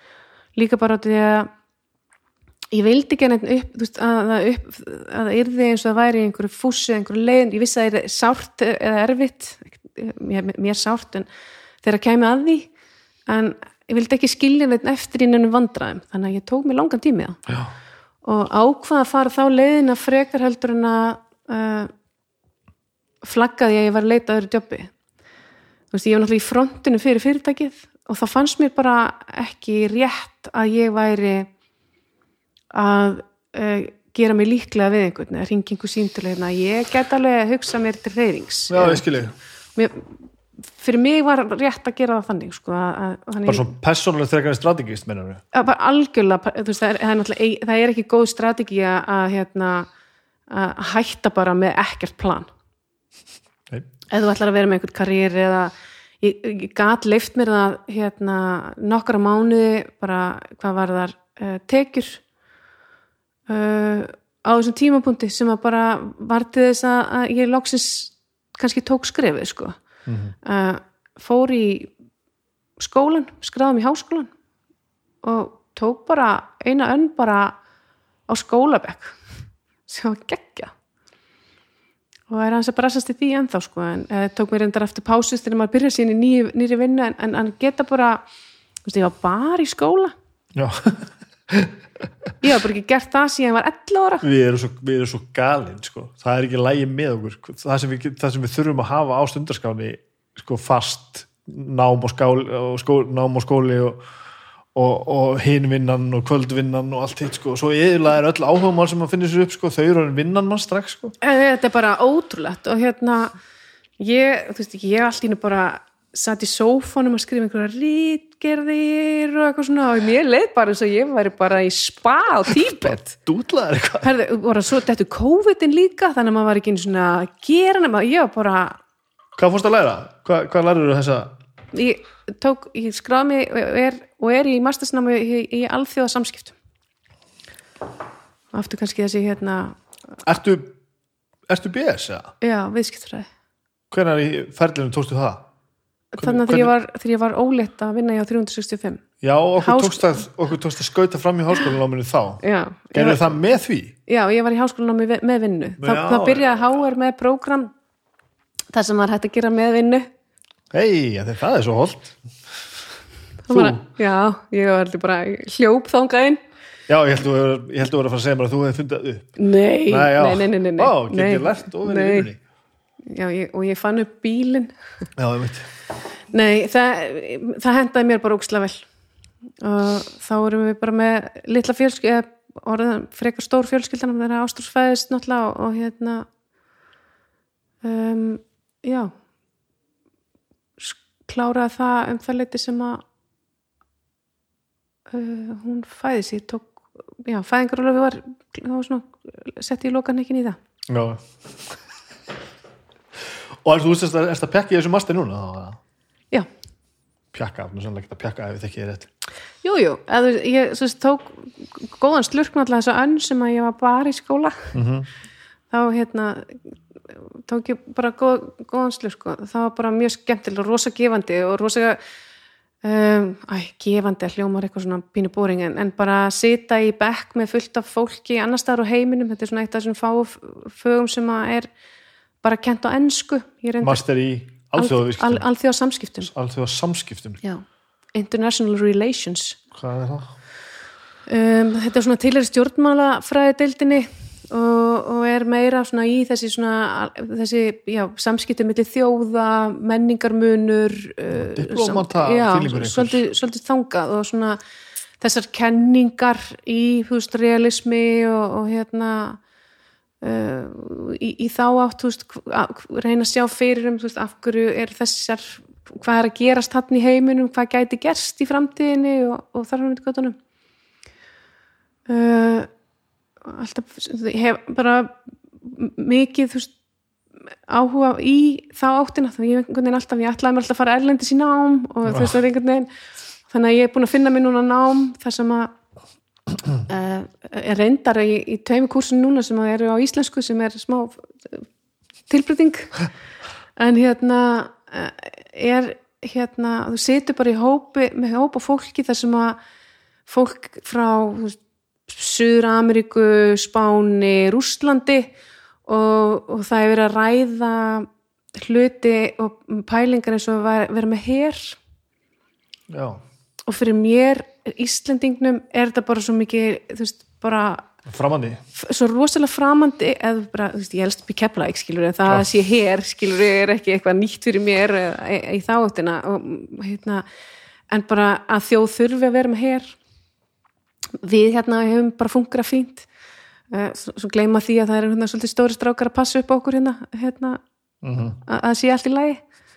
En, en hérna en óöryggis tilfinningi sem að uh, ung kona frá Spáni lýsir yfir því að það væri ekki hér það væri, skilur og, og bara einlaglega uh, bara skilur ekki hvernig þetta funkar og þetta þykir bara mjög merkilegt með Ísland bara fólk bara what? Já, ha? bara algerlega berskjöldu eða einhver ákveður að koma Já, ah, sem hefur náttúrulega bara ítrykkað örgla gerst í sögunni og ein- einhver sagan var að að hérna breytan hafi bara verið kortur undan hérna, þjóðverjum sko. Já. og, og þar sem myndi göttunum og, og við svo sem getum ekki státa okkur því að hafa ekki notið góðs af hernaði. Við gerum Sem- ekkert sjálfmaður, það er alltaf verið að passa upp okkur allstaðar og gera já, hlutina já, fyrir okkur. og setið fullt af peningum eftir sko. þannig, að, þannig að það er rosa áhugavert og ég hérna en, en í mittiltíðinu þá er svona annað síló sem ég þekkti ekkit sérstaklega vel. Það er hérna stjórnsíslan sem ég veist alveg uh, magna fyrir bara, maður er búin að vera í engabarnasennum rosa lengi. Mhm. og, og svo er bara einhver svona fyrir bara eins og stjórnsíslan sem maður þekkir ekki neitt. Og maður, ég skil, skildi ekki alveg hvernig fungur það. Og, og það svona tengist þessu svona diploma pælingum. Er, hef ótrúlega mikinn áhuga á pólitík og, og, og út frá því sko ef við geymum þessar svona orðið pólitíkur oft nota í svona neikvæðum skilningi. Þessi svo mikið pólitík í þessu. Það er ókslega glatað. Uh, á meðan að það er ennþá fólk sem að feð bara þarna inn bara af hugssjón til þess að gera heiminn betri. Og ég var bara svolítið hérna í sófanum að skrifa ríkgerir á þeim stað í lífunu, mér langar að taka þátt í að gera heiminn betri. Og það er rauninni það sem að, að finna mér einhvern svoleiðs tilgang uh, ég er kannski ekki alveg að fara í hjálpastarftir Afriku, veist, það, það er ekki þar sem að ég myndi nýtast besta meðan aðrir eru góður í því. Þannig ég var svona tíma að finna kannski út úr því og, og, og held ég að fundi ágætis plattform allavega í byli í, í því sem ég er að gera í dag. Mm -hmm og ég bara hefur rosa mikla trú að við getum, þú veist, að maður eigi bara að gera gagn að ég ætla að gera gagn, jú við borgum skatta en ég ætla samt að sópa gangstéttin fyrir framann hjá mér og arfreinsa við í kringum, þú veist, þó að sé gangstéttar megin og borgin eigi að gera það. Skilur hvað við? Já, já. það er ótrúlega ríkt í og mér, mér finnst þetta ekki þú veist, þetta er ekki gott sem samfélag. Það, það sem er gott við lítil samfélag lítil bæjarfélag er að verður einhver svona samtal og við ákveðum að halda gödugrill og reynsa, ruslhreinsa en þó svo bæjafélagið eigi að vera það sem að sópar gangstéttunum gerir fínt þá, þá er þetta svolítið samfélagi sem við erum að skapa. Og við getum, ég trú því það geta allir gert gagn og fyrir mér er uh, rosa sorglegt þegar að uh, stjórnmál eru notið í neikvæðum tilgangi í svona eigi einhver svona personal agenda. Uh, og og það er oft ásýnd eða umtali sem að stjórnmálamenn fá. Er þetta neikvæða? Og meðan það er að gera svo rosalega þú veist, þú er búin að sitja með hérna, einhver, einhver stjórnmálamennum með fólki. Það er, þetta fólk er ekki hérna til að gera neitt annað en betra fyrir samfélagið sitt. Nei, ég, annarkvæmt er þetta eitthvað að breytast í samfélaginu eða ég er að eldast og, og veit meira en Já en það var það er mín, mín tilfinning fyrir því að hafa talað við stjórnmálafólk. Já. það hefur náttúrulega þú veist sitt agenda að vilja vera í, á staðnum sem það er. Það verður aldrei tekið af þeim sko. Nei, ég vil vera hérna og koma mínu að sko. Já, en það er svolítið holdt það er fyrir mér pólitík. Við erum ekki sammála. Mm -hmm en við þurfum einhver tverskurð af hópum og fólki sem er ekki sammála þess að geta búið til eitthvað saman. Vist, annars erum við komin í, í einræðisæran Ég heldur að séum blá stundum að, að, að ruggla þessu saman eða oftúlka þessa, að ég fann þetta svo sterkt hérna í aðræðanda kostninga, ég var að tala við, tala við fólk sko. Tala mennina. Já, tala við mennina, tala tala við fólkið. Ég er að djóka. Að hérna, það er þessi sko þessi, þessi sannfæring og þú veist og þessi þörf á því, ég ætla að gera það að fara rosa stert inn og segja bara ég vil næstu því með öllum ráðum halda áfram að gera það sem ég er að gera eða komast hérna inn sko mm -hmm. ég vil vera hérna, kjósi mig, kjósi mig, kjósi mig, kjósi mig sko, bara ég er að gera þetta ég er að gera þetta alltaf fullu mm -hmm. og ég fattaði hvað var stutt yfir í hérna ég ætla að hafa allt eins og ég vil hafa það þú veist, það er svo þunn línaðan á milli, kannski ekki endil í framkvæmdini en hugsunahátturinn er svo sko þetta er svo brotætt að þetta fara ekki smitt, smittast á milli. Það er mjög stutt á milli og svo líka uh, fólk upplifist um að við varum að rýfast hvernig fólk lesi hlutin það sem þetta gera. Já. það er líka bara, bara allur regnbúinn en ég allavega trúi því að það, það gengur fæstum ílt til. Og ég hef trúið því eins og þú. Ég, það, við erum líka bara orðin rúmlega færtu mm. kannski er það þess að okkur finnst eins og fólk sé í raunverulega að reyna að gera gagn. Ég hef alveg ráðlegt fólki frá því sem að mér þykir væntum ekki fara stjórnmála leiðina. Uh, bara því að fyrir mér bara fólk leggst bara á borðið eins og í lélæri bíómynd og það er bara að vera að geta af þér. Já, já, þú veist þú algjörlega berskjaldar þig og mikið prinsipfólk þú veist þú bara uh, þú, þú veist, það er engin krókutila húð nóg þykk til þess að getur einhvern veginn varið þig og fjölskyldunina þegar að virkilega á reynir. Nei. og eftir því sem hún lengur eða tekur stærri ákvarðanir eða tekur þátt í stærri ákvarðanir þá bara verða óhjákvæmulega einhverju ofbóðslega mikið brjálaðislega ósáttur við það sem þú ert að gera.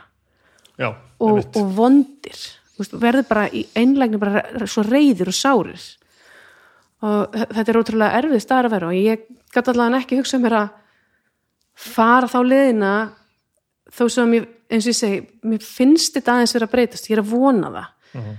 að við séum að verða aðeins málefnilegri og svo bara horfum við út í heim og það fyrir að, veist kannski er þetta bara of djúft í okkur, ég veit það ekki en ég held að maður þurfi að halda áfram að berjast, þú veist, það er alveg fullt af, þú veist, rétt skal vera rétt, það sem fólk er bara af hugssjón líka. Já. en þetta slætar allt. Það þurfa að fara einhvers þar inn pæltið og trúir óbúslega á einhverju luti og hérna og ferð inn í einhverju svona einlega tilgangi og ætlar að berjast fyrir einhver fyrir einhvern hóp. Og svo allt í hennu á árið tvö þá, þá fattar það að þú þurftir að samþykja að gera eitthvað til þess að geta komið þessu og þetta fann að spila og það er kannski þetta neikvæða í pólitíkinni. En það er samt líka eitthvað eins og bara í hjónabandi. Veist, það sem að mér fannst bara óásættanlegt þegar ég var tvítug er eitthvað sem að maður síðan fatt, átt að sjá að það var kannski ekki svona óásættanlegt. Mm. veist, ég var bara svona þver. Ég var bara svona ekki til í að sjá hlutina hinum en frá maður er líka bara svo heimóttalegur ég held að maður bara skiljið þetta ekki ég held að maður þurfi bara að gera ákveði margt og vera til í ákveði langan tíma til þess að í alvörinni fatta að það er eitthvað annað en úti sko. Já, og bera sér eftir vera opinn fyrir því sumir opnast aldrei fyrir því sko. Nei, nei, aldrei og, og bara og, vanda sér við það Já ég hef alltaf haldið fram að ég sé frekar opinn fyrir lutunum sko. svo kemst maður alltaf að því sko, eftir hverju árunum sem, sem líður að veist, maður veit ekki neitt, er, ég er ekkert opinn fyrir öllu, djúsi kæft að er þetta. Eina sem ég get gert er bara að muna það að ég er ekkert opinn fyrir öllu og reyna að læra að halda áfram að opna mig fyrir hlutum sko. maður skítrættu við langstarsta hlutina sem gerist í heiminum. Maður bara loka sér frá því og heldur bara að maður sé safe í sin eigin búblu og rosa opinn og til í allt ég var, þú veist bara, horfa allir með segja svo að frétta ánalun á hverju ári, ég er bara alltaf að gráta við, bara, skil, við skiljum ekki neitt sko. það er bara allt þetta, allt þetta sem er í gangi því að oft er samantæktin bara svolítið svona alltaf hræðilegasta mm. sem gerðist árinu við skulum bauna því hérna, hérna á fólki hérna á þessum klukktíma og reynda að vera með eitthvað svona smá glefsur inn á milli, þú veist, mm -hmm. að einhverju gleðilega en bara, maður svo setur bara, bara með tárin í augunum yfir, þú veist, fólki sem hangir utan og reysa bombort í þóttum sem vantar að komast eins og þeir fara frá Afganistan oh. og ég bara, og maður bara vera að tegja börn yfir gatta yfir skýrðingur og maður setur bara hérna í sparikjólnum á Íslandi og getur einhvern veginn upplýsið, getur gert neitt. En við erum svo opinn og vel upplýst við, við vitum þetta allt sko. Já, með, og þeim meira sem maður veit þetta, þetta klassiska, þá bara fær maður að skilja af hverju maður er klappað kollin hérna af, af þeim sem fóru vitrar en maður sjálfur þá sko. Já, já, og það verður að fá að ganga þann veg sko, en við, maður verður alltaf að vera að drullast til þess að vera opinn sjálfur sko. En það er líka kannski þess að mann finnst mikilvægt að gera gagn sko Sér þú það fyrir að fara að færa þig yfir, yfir, meira yfir ykkur pólitík? Nei, alls ekki. En mér, þess, mér fannst þess að þetta hlutverkju stafn í Íslandi og þetta verkefni það er, það er uh, hérna, gengur náttúrulega út á að bæta ofinbæra þjónustum sem er rauninni bara ekkert nema stjórnmálu eða pólitíkin. Förum aðeins bara yfir þetta. Ég er ekki alveg alveg klára hvað er að gerast þannig. Ok. Hvað er þetta og hvað ert þú að gera þannig? ég vinn hjá Starfn Íslandi mm -hmm. semst byrja hérna hætti skólanum um það, í prófunum fæ ég nýtt eh, sem er hérna titillminni markastýri á Starfn Íslandi sem er, er verkefnustofa staðsett í og hluti af fjármála og efnáðsarvæðundinu uh, eh, stjórnsíslan aftur sem er eitthvað sem er mjög heitlandi uh, og, og hef kannski byrjað þar aðan og hef bara mikinn áhuga á þessum samfélagslegu málum en mér er aldrei langa að fara skrá mín eitt flokk eða veist, bara hort upp á opbúslega mikið fólki sem mér þykir mjög væntum fara illa með það. Skilur við, bara óvægið sem er vonandi eitthvað sem er að breytast. En þannig er ég komin inn í, í bara teimi eh, tímanu teimi þar sem að okkar hlutverk er að bæta uh, ofinbara stafræna þjónustu með því að styðja við stopnarnir Sist, fara inn og styðja við stopnarnir í að koma alls konar ferlum í, í sjálfvirt flæði. Þannig að þú getur sótt um uh, hvað ég segja, rafrænt sagaváttur, þú þarfst ekki að keira inn í uh, hérna til síslumanns til þess að ganga frá því, heldur bara gengur frá því á, á netinu. Uh, fæðingarorlof að þú getur sótt um fæðingarorlofið, það fyrir sjálfvirt bara til maka. Þetta tímabildi samþyktar þaðan sjálfur til hérna, yfirmanns að samþykja þú ert að fyrir fæðingar á þessum tíma og í, í, hérna, til fæðingar á sjóðs eða vin, vinnumálastofnunar.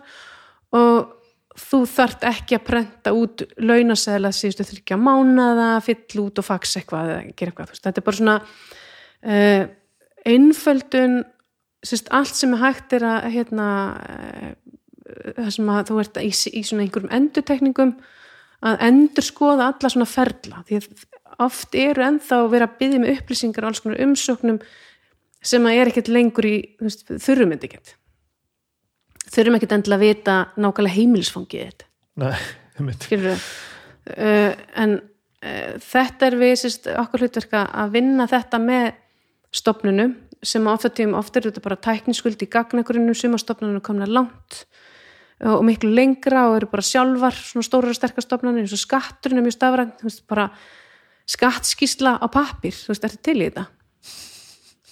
Þetta bara kvartlar ekki að neinum í dag. Um, þannig að þetta með því að koma eh, bara endur skoða svolítið tilverðin en nú hefur bara rosalega margt breyst og við erum bara tæknilega getur við gert miklu meira í dag og þar leiðandi þarf ekki að vera stimpla pappir að heldur getur tími minn farið í að þjónusta þessi 20% betur sem að þurfa á meiri þjónusta að halda heldur en hinn er 80% kannski sem að getur bara flætti gegn sjálfur Er þetta afmarkaða verkefni? Tekur þetta enda einhverstaðar? Nei, það gerir þannig að byrja einn ekki og, þessna, það, og það er það sem er búið skemmtilegt. Að vera hluti af hópnum sem er svona að móta þessa framtíðasín og finna fyrsta ári fór svolítið, þú veist, COVID bara var allt um líkjandi fyrsta ári sem að, hérna, í, í alls konar lausni því að það þurfti bara svo rosalega mikið af hlutum. Þú veist, þú máttur ekki mæta nýst að það er að gera neitt. Og, og verkefni var svo sem farið að stað fyrir það, þörfin var alveg til staðar fyrir. Eh, en þetta hefur alveg gefið það, okkur það að þetta var alveg hægt. Og, og það, fólk er alveg opið fyrir þessu, Minna, Íslandingar eru við erum með rosalega gott hérna uh, hérna, netsamband á Íslandi, við erum rosalega vel hérna, mentuð uh, við erum rosalega rosa vel að tækjum búin. Þannig að það er ekkert í til fyrirstuðu bara, bara í til þess að tryggja bara, þú veist, bara byggðastefnin að störf án, án hérna, staðsetningar og, og allir þessi hlutir, þetta vinnur allt með þessu og, og og, það að taka einhvern enda þá nei, það hefur eiginlega verið flækjan okkur, við fórum í rosa stór verkefni og höfum verið að fókusera kannski mikið síðasta árið á að búa til grunnana sem hægt er svona kjarnathjónustu sem hægt er að skala hlutina og þannig að við erum búin að það fór rosa mikið power í uh, umsóknum fæðingarulof því þarna eru gagnagrunna sem tengjast með vefþjónustum sjálfvirt í hérna, skattinn og, og, og, hérna, þar frá undir göttunum á þess að þú þurfur eitthvað að gera neitt mm -hmm. og hérna, þú ert bara búin að auðkenna því um, að þannig að lærdomskurvan er alltaf mjög djúpa þessu að finna út úr hvernig hlutinir hvernig þetta gengur allt saman fyrir sig. Og vonin er að ja, vonin, veist, svo er bara næsta verkefni að taka fleiri svona megaferli þar sem að þarf marga stopnarnir koma að. Því að þú ert ekkert eitthvað að pæli endilega í hvaða stopnun þarf ég að fara til þess að sækja einhverja þjónustu. Nei. þú ætti bara að farið eitthvað og bara fengi þá þjónustu sem þú þart eða einhverja eina leið eins og við notum Ísland.is fönnelin og erum bara rólitum að byggja hann upp. Þannig að þú getur bara farið þangað og fundið alla þá þjónustu og þar er því leiðbent á réttan stað. Já, já, já. og hérna uh, bara sem með að stilla upp svona lífsviðburðum þar inni þar áttar maður sig á hvað er að rauninni margir ólíkir aðeins sem koma að uh, einhver allskynst þjónustu sem að hefur ofinbæra veitir. Og þetta hefur margt bara eins og laugin voru skrifað fyrir lengur síðan og það er margt sem að bara byrja fyrir lengur síðan og þetta þarf bara reglulega endur skoða þannig að þú spyrir hvort þetta takk einhvern tíma enda. En það kemur svona rosa gusa sem hún kemst yfir rosalega mikið massa en síðan eru erfiðustu jáðaþelvikin sem verður lengst verið að vinna með það. En svo gerist þetta, þarftu bara að fara aðra umferð veist, vefsíða er aldrei tilbúin Nei, nei. Veist, það er bara að koma ný lög og nýjar upplýsingar og ný bætt þjónusta og breytingarna núna á stjórnsýslunni í síðustu kostningum þau tóku og róturuðu alveg helling og þá þarf að finna út úr alls konar en allt gert með það markmiði að geta fundið leið til að veita betri, betri þjónustu og þarna finnst mér ég að vera komin í hlutar þar sem að ég geti verið að gera eitthvað gagn Og hvað er jobbið þitt? Hvað er þú að gera? uh, jobbið mitt, ég er sem markastjóri sem þú veist þannig að ég sé um svona innri og ytri kynningamál þannig að ég þarf að láta þig sem notanda vita að sé eitthvað í gangi. Ég sé um brandið, að útlitið sé eins og það á að vera. Og ég sömu leiðis veist, bara í þessu innri kynningum gagvart svona þessu breytingastjórnun innan stopnana því að, að þannig verið að breyta kannski verkferlum Uh, og allt náttúrulega samstarfi við stopnarinnar en það er verið að breyta því hvernig þú vinnur vinnuna eina Já, þú notar alltaf þessa tölvu og gerir þetta svona. Og svo dæna, einn daginn kemur bara einhver og segir, herri, nei, nú ætlum við að hætta að nota tölvu og við ætlum bara að nota iPad. Og við ætlum að ekki nota lengur, þú veist, eða eitthvað heldur bara að fara yfir í Notes. Mm -hmm. Þú er bara ekki til í þetta. Nei. þú þarf að skilja hvað er í gangi. Þannig að það er kannski svolítið mikið hlutverki sem að ég hef verið í. Samlega því að þetta, hérna, mér hætti til að afvegalegast svona inn á milli að það, verði einhverja svona breytingar og ég, þú veist hérna, ma maður skinja maður svo ríkt að eins og bara það fá inn þjónusustjóra eða vörustjóra sem sér um vefin því að ég var með vefin mikið til hjá mér í bara uppbyggingunni og arkitektuna keislu svona allt sem að var svona út af við. Og þetta er bara eitthvað sem að ekki bara einhver einn getur gert. Ég er afturkomin í svona, eh, svona vinna með svona viðskiptastjóra um, ekki kannski viðskiptastjóra heldur bara svona aðal tengilið við ákveðna stopnanir því að bara til þess að geta náð smá fókus því að aftur bara hvar tekur þetta enda? Þú veist bara hvar maður að byrja? Og að maður bara alltaf bara að segja nei við einhverju svona sem að bara er borðliggjandi myndi einfalda líf fólks. Uh, og við verðum með rauninni sem byrja já, já, en við getum ekki gert það fyrir á næsta ári. Já, já. það bara er bara ákveð mikið sem að kemst yfir. En er það að klessa á að sé ekki, veist, ekki vilji fyrir einhverju? Eða er allir til í allt þegar upp í staði auðvitað er aldrei allir til í allt. Það er þess að skilningu fyrir því að, að þetta sé, við séum að réttir vegferð. Það er alveg samstaða um það að, að það að bæta stafvarana þjónustu er rétt að leiðin til þess að fara nákvæmlega hvernig eða hver veit best eða hvort við ætlum að vera í skíinu eða hvað það er já. Þú veist, þar koma svona ákveðinir svona áherslupunktar sem að skipta sumamáli á meðan að aðrir eru bara vanir að hafa upplýsingarna sínar eða hafa hlutina einhvern veginn á einn hátt uh, er bara vanir í það að sé þú veist, röð eða þú þurfir að gera svona eða hins einn Mhm. uh, vanir í að byggja um útprentanir á hinn og þessu þegar það er löngu í rauninu óþarfi þú þarft ekki að hefta það við og setja hann í skjálaskáp uh, þannig að þetta er svona uh, bara eins eitland það er svona risa breytingastjórnunar verkefni. Og það er rauninni það sem að maður bara þvæ- þvælist á milli stórra verkefna hvað það varðar, það sem að ég kem inn á bæði í sagt, svona endan í svona kynningar hlutverkinu en sömulegis bara í, í notundaprófunum og Já, já, já, finna út úr hérna, ferlunum í rauninu hvað er best að gera og hvað ekki. Og er að vinna með þú er svo um, geggjaðir einstaklingar sem er að vinna með með opbáslega mikil og djúb sérfræði þekking uh, sem að mér lært rosa mikið af veist, ekki það að maður skilja alltaf alveg allt sem þeir eru að segja. En þú veist, maður er búin að læra þú veist, bara ég kom með vel umfram trivial pursuit, þú veist, ég skil hvernig þetta allt funkarar og það er rosa verðmæti í því.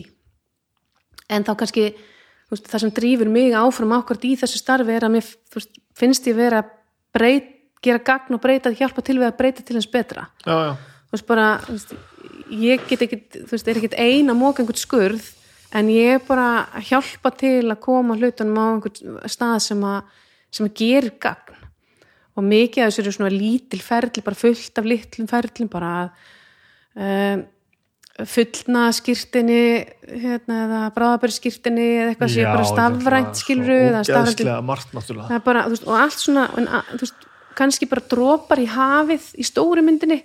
En svo þegar maður byrjar að telja saman hagræðinguna sem verður bara tíma þínum uh, umhverfis áhrifin í færri bílferðum eða hérna bensinkostnaði eða hvaða er eða pappirsnótkun uh, þetta er náttúrulega bara og, og bara svona einföldun á lífhós að þú getur bara gengið þessu vísu. Og, og við hefum hérna og, og það sé ekkert eins og maður gengur kannski gegnum hérna tímabili svo hérna það verður einhver uppákoma í fjölskyldunni veikindi eða andláti eða eitthvað svona og, og við eigum á Íslandi geggja kerfi sem tekur utanum okkur. Það er bara með, með því svo margt þá er það svo frábært og það sé alls konar hluti sem megi bæta. En maður veit ekki eins og hvað maður á að byrja oft. Mm. og þá er maður ofta á stað þar sem maður er kannski ekki endil í ástand það er bara, það er svo gott að vera leitur áfram einhver þér nær, nær hérna, nákomin endar en á gjörgjæslu deild og þar tekur um átið fólk sem að bendir þér og segir svona og svo svona og svo svona og, og þetta er næstu skref og þetta er það sem maður þarf. En, mm -hmm. en oft situr maður bara einhvern veginn heim og veit ekki hvað maður á að gera. Og það er kannski svona hugssjónin að geta einfalda líf fólks á þann hátt að notandin íbúar og fyrirtæki á landi getur bara sótt sína þjónustu eins mikið sjálfvirt og sjálfur eins og hægt er. En þurfum ekki endilega að vita um allt sem er í gangi en eh, veist, hvaða vefþjónustur tengjast hvar skilur, það skiptir kannski ekki máli í hverju tilfelli þeir sé en þú þarf samt að skilja það eins til þess að þú treystir því. Og þú veist að treystir því að rafverðina auðkenningin eh, sé í lægi Já. og veist, það er rosalega mikið fólk sem upplifir að, að veist, þetta sé bara símið sé bara eitthvað svona njúsnatæki og, og búið að teipa fyrir á tölvinsinni og veist, það er, ég hendur TikTok af hérna, símónum mínum þegar Anonymous saði að ég ætti að hendur TikTok skilur, þetta er bara svona þú veit, maður er komin út fyrir eitthvað sem maður skilur ekkit rosalega vel. Við náttúrulega klárum í rauninu allt okkar nám og erum búin að eiga bara starfsframa en svo kemur þetta allt. Já, já, það er þannig. Og þannig að við þurfum að læra einhvern veginn svolítið aftur fyrir okkur og við þurfum að læra og skilja upp á því marki að við tristum því sem er í gangi. Og vitum, vitum ákveðin við um að hlusta? Já, bara, og það er bara lang mikilvægast að geta ef, ef þú veist ekki neitt ef þú neytar að, kynna þér hluti að þá veist ekki heldur hvað er rétt og hvað er ránt þegar einhver segir eitthvað þú veist, þú, þú, þá veist ekki hvort þessi fyrirsögn sé einhver þvæla eða þú veist ekki hvort einhver frétt sé fake news. Mm -hmm. þú veist, ef þú ert ekki upplýstur sko þannig að þú veist, það ofnbæra að sé bara með þjónustu sem fólk getur almennt treyst skiptir bara ógislega miklu máli. Er þetta, er þetta mikið, er mikið stressfaktor í þessu? Er, er eitthvað, þú veist, er mikið ak akut svona tímamörkum og svoleiðis, er þetta bara svona slow building bara? Mér sko, það, það var rosa mikið akut bara í kófuinu þú veist þegar að hérna hefur að keira út úr svona stórar þjónustu sem að hefur að býða eftir þú veist, fólk er að sækjum viðspurnir lán eða lókunustyrk eða veist, einhverju svona hluti þá, þá fann kerfið rosa mikið fyrir því að það, það var engin þólumæði fyrir að, að, að hluti taki bara sem tíma. Og það var bara hellingslærdumur í því heilt yfir erum við búin að vera að vinna allir með þessu kjarnaþjónustum sem við köllum það uh, síðasta árið í svona þennan skalalega þar sem að við erum að horfa í um, að styrkja vefs upplýsingarnar á vefsíðunni að onborda frekarna stopnarnir séu ég að búið til sína eigin vefsíð að skoða, koma bara með alla sínar upplýsingar og sinna sínu þar já, já, já. og setja þá fókusin á sitt hlutverk í rauninu lögbundna hlutverk en ekki rekstur á, á bakendakerfi og þannig sé bara meira í kontentinu sem er eitt af vannmittnasta sem við eigum, það er svona eins og þú þekki svona efnisvinna og upplýsingar. Uh, geta gert umsóknarkerfi þannig að allar stopnarnir geti nota sama umsóknarkerfið sem að, sem að hérna funkar þannig bara að inn á mínum síðu þá Ísland.is þá sérðu stöðu umsóknarinnar. Mm -hmm og hérna í appinu þú veist, við erum að fara að gefa út app þar sem þú ert með stafarnar póstálfi og getur séðstuð um svona, svona grunn hluti sem þú þarf svolítið kannski geta fylst með.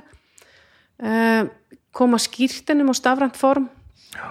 Um, um, umbóðskerfi svona innskráningur og umbóðskerfi að þú getur skráði inn Já. á örgan hátt er, það er innskráningur þjónust í gangi í dag sem að uh, hefur verið mjög lengi og er bara hérna frábærin en bati síns tíma að því leitum til að þólir ekki álag mjög mikið þannig að þú veist, krassar ef það er hérna allir er að skrá börnin sín í frístundi eða eitthvað. Þannig að það er að koma öllum svona það verður að endur gera um, hérna, einskanninga að gera núna nýja einskanninga þjónustu sem þólir miklu meira álag og skalast upp við ákveð álag er öryggar þegar svo til dæmis hún notar bara rafræn skilriki en þá kemur þörfin á umbóðskerfi sem er til í dag en umbóðskerfi og umbóðsmanna grunnur í samstarfið, þú veist eins og félagsmannaráðandi að eh, svona talsmenn fatlaðra eða við með umbóð fyrir börnin okkar eða umbóð fyrir fyrirtækin okkar að við séum bara að skrá okkur inn og þar getum við bara skipt um account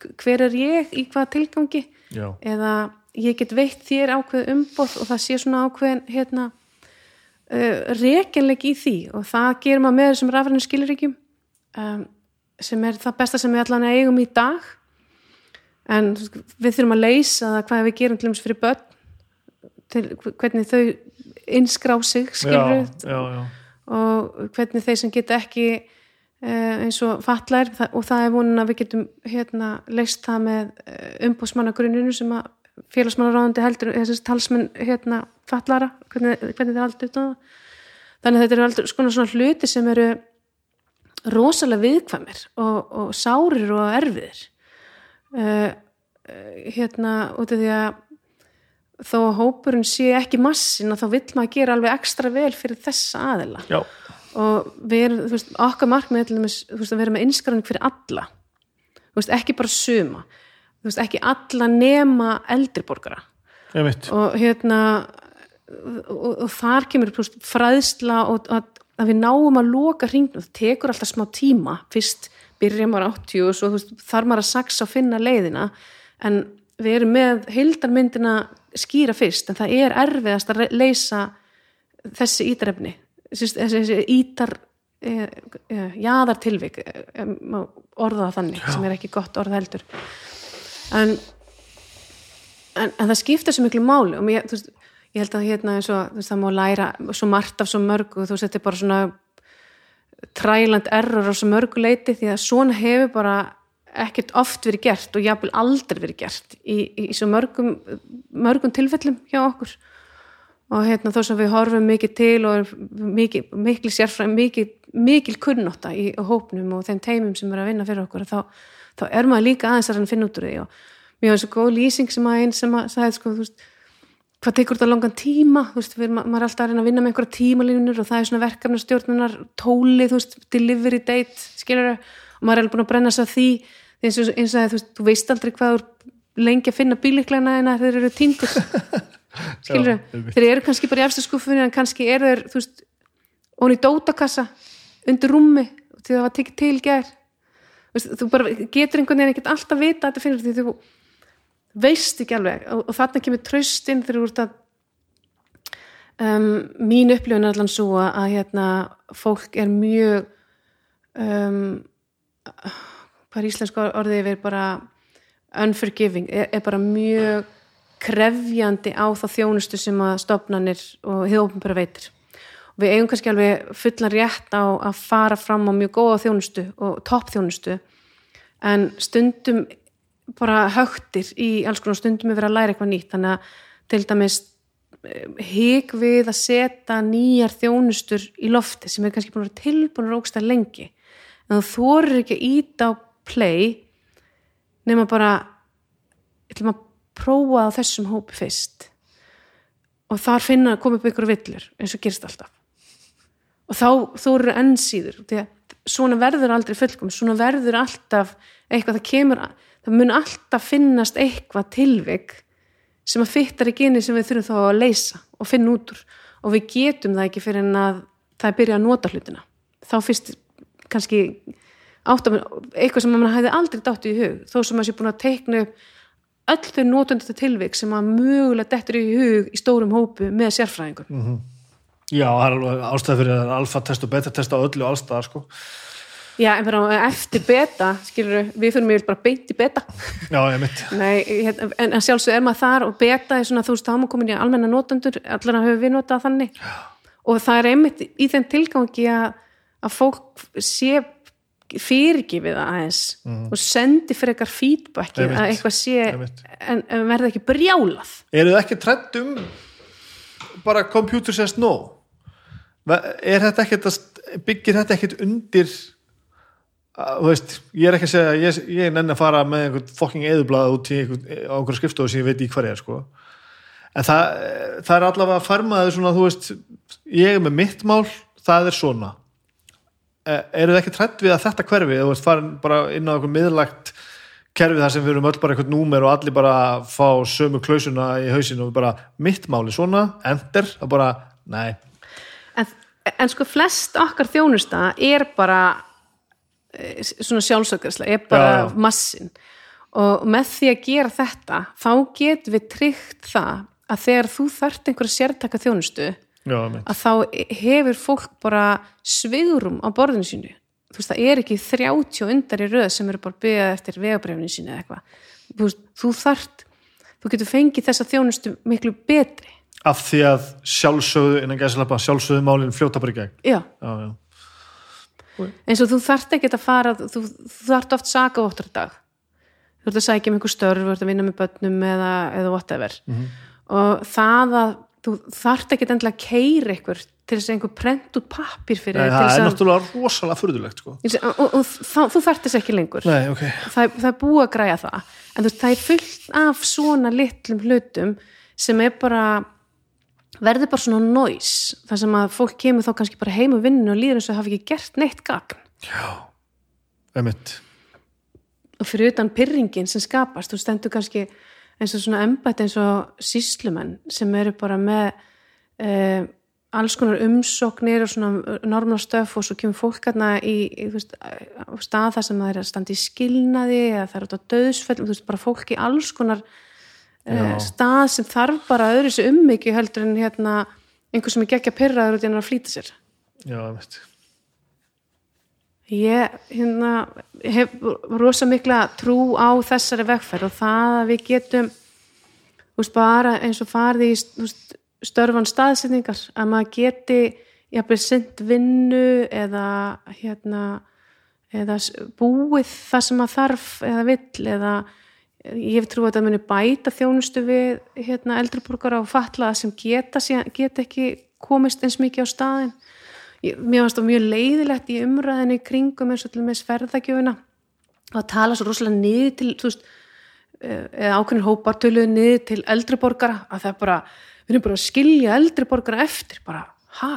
Veist, bara eftir 67 ára þá bara vissir þú ekki hvað sími væri, eða, þú veist, ég er bara það er bara fullt af fólki bara veist, yfir nýrætt sem voru bara, bara fullkomlega að finna út úr þessu, þú veist, þannig að bara fólk var bara sett undir einhvern einn hatt. Einhver risastór hópur í staðin fyrir að geta fundi leið í að, og, það sem og var gert í, í samtölu við ímis félagsamtök að, að hérna, hvernig stiðið við þessa hópa sem að eiga erut með það? Já, flestir eru bara með þetta sko já, já, það er alltaf og, og langflestir eru til í að taka skref sko. það er bara þessi sem eru ekki til hlutina sem hafa hæst sko. Já. en þú veist það er bara, þú veist, eins og bara hvar, hvar þú býrð, eins og núna var í fyrra um, samþitt lögum stafrand póstólf sem þú finnur inn á uh, hérna, mínum síðum á Ísland.is það er unga sem þú fær sendgögn Mhm. þú veist, svona mikilvæg gögn, þetta er ekki svona samskipti þar sem þú sendir póst tilbaka, nau, þetta er vitlu skjál heldur, þú veist, þetta er bara þú veist, þú fær sakavottur þið þanga, þú fær því hérna uh, sekt frá lauruglinni þangað eða þú færð hérna þú veist, tilkynningum greiðsluldreifingu, eða þú færð þessi skjöl þangað Aha.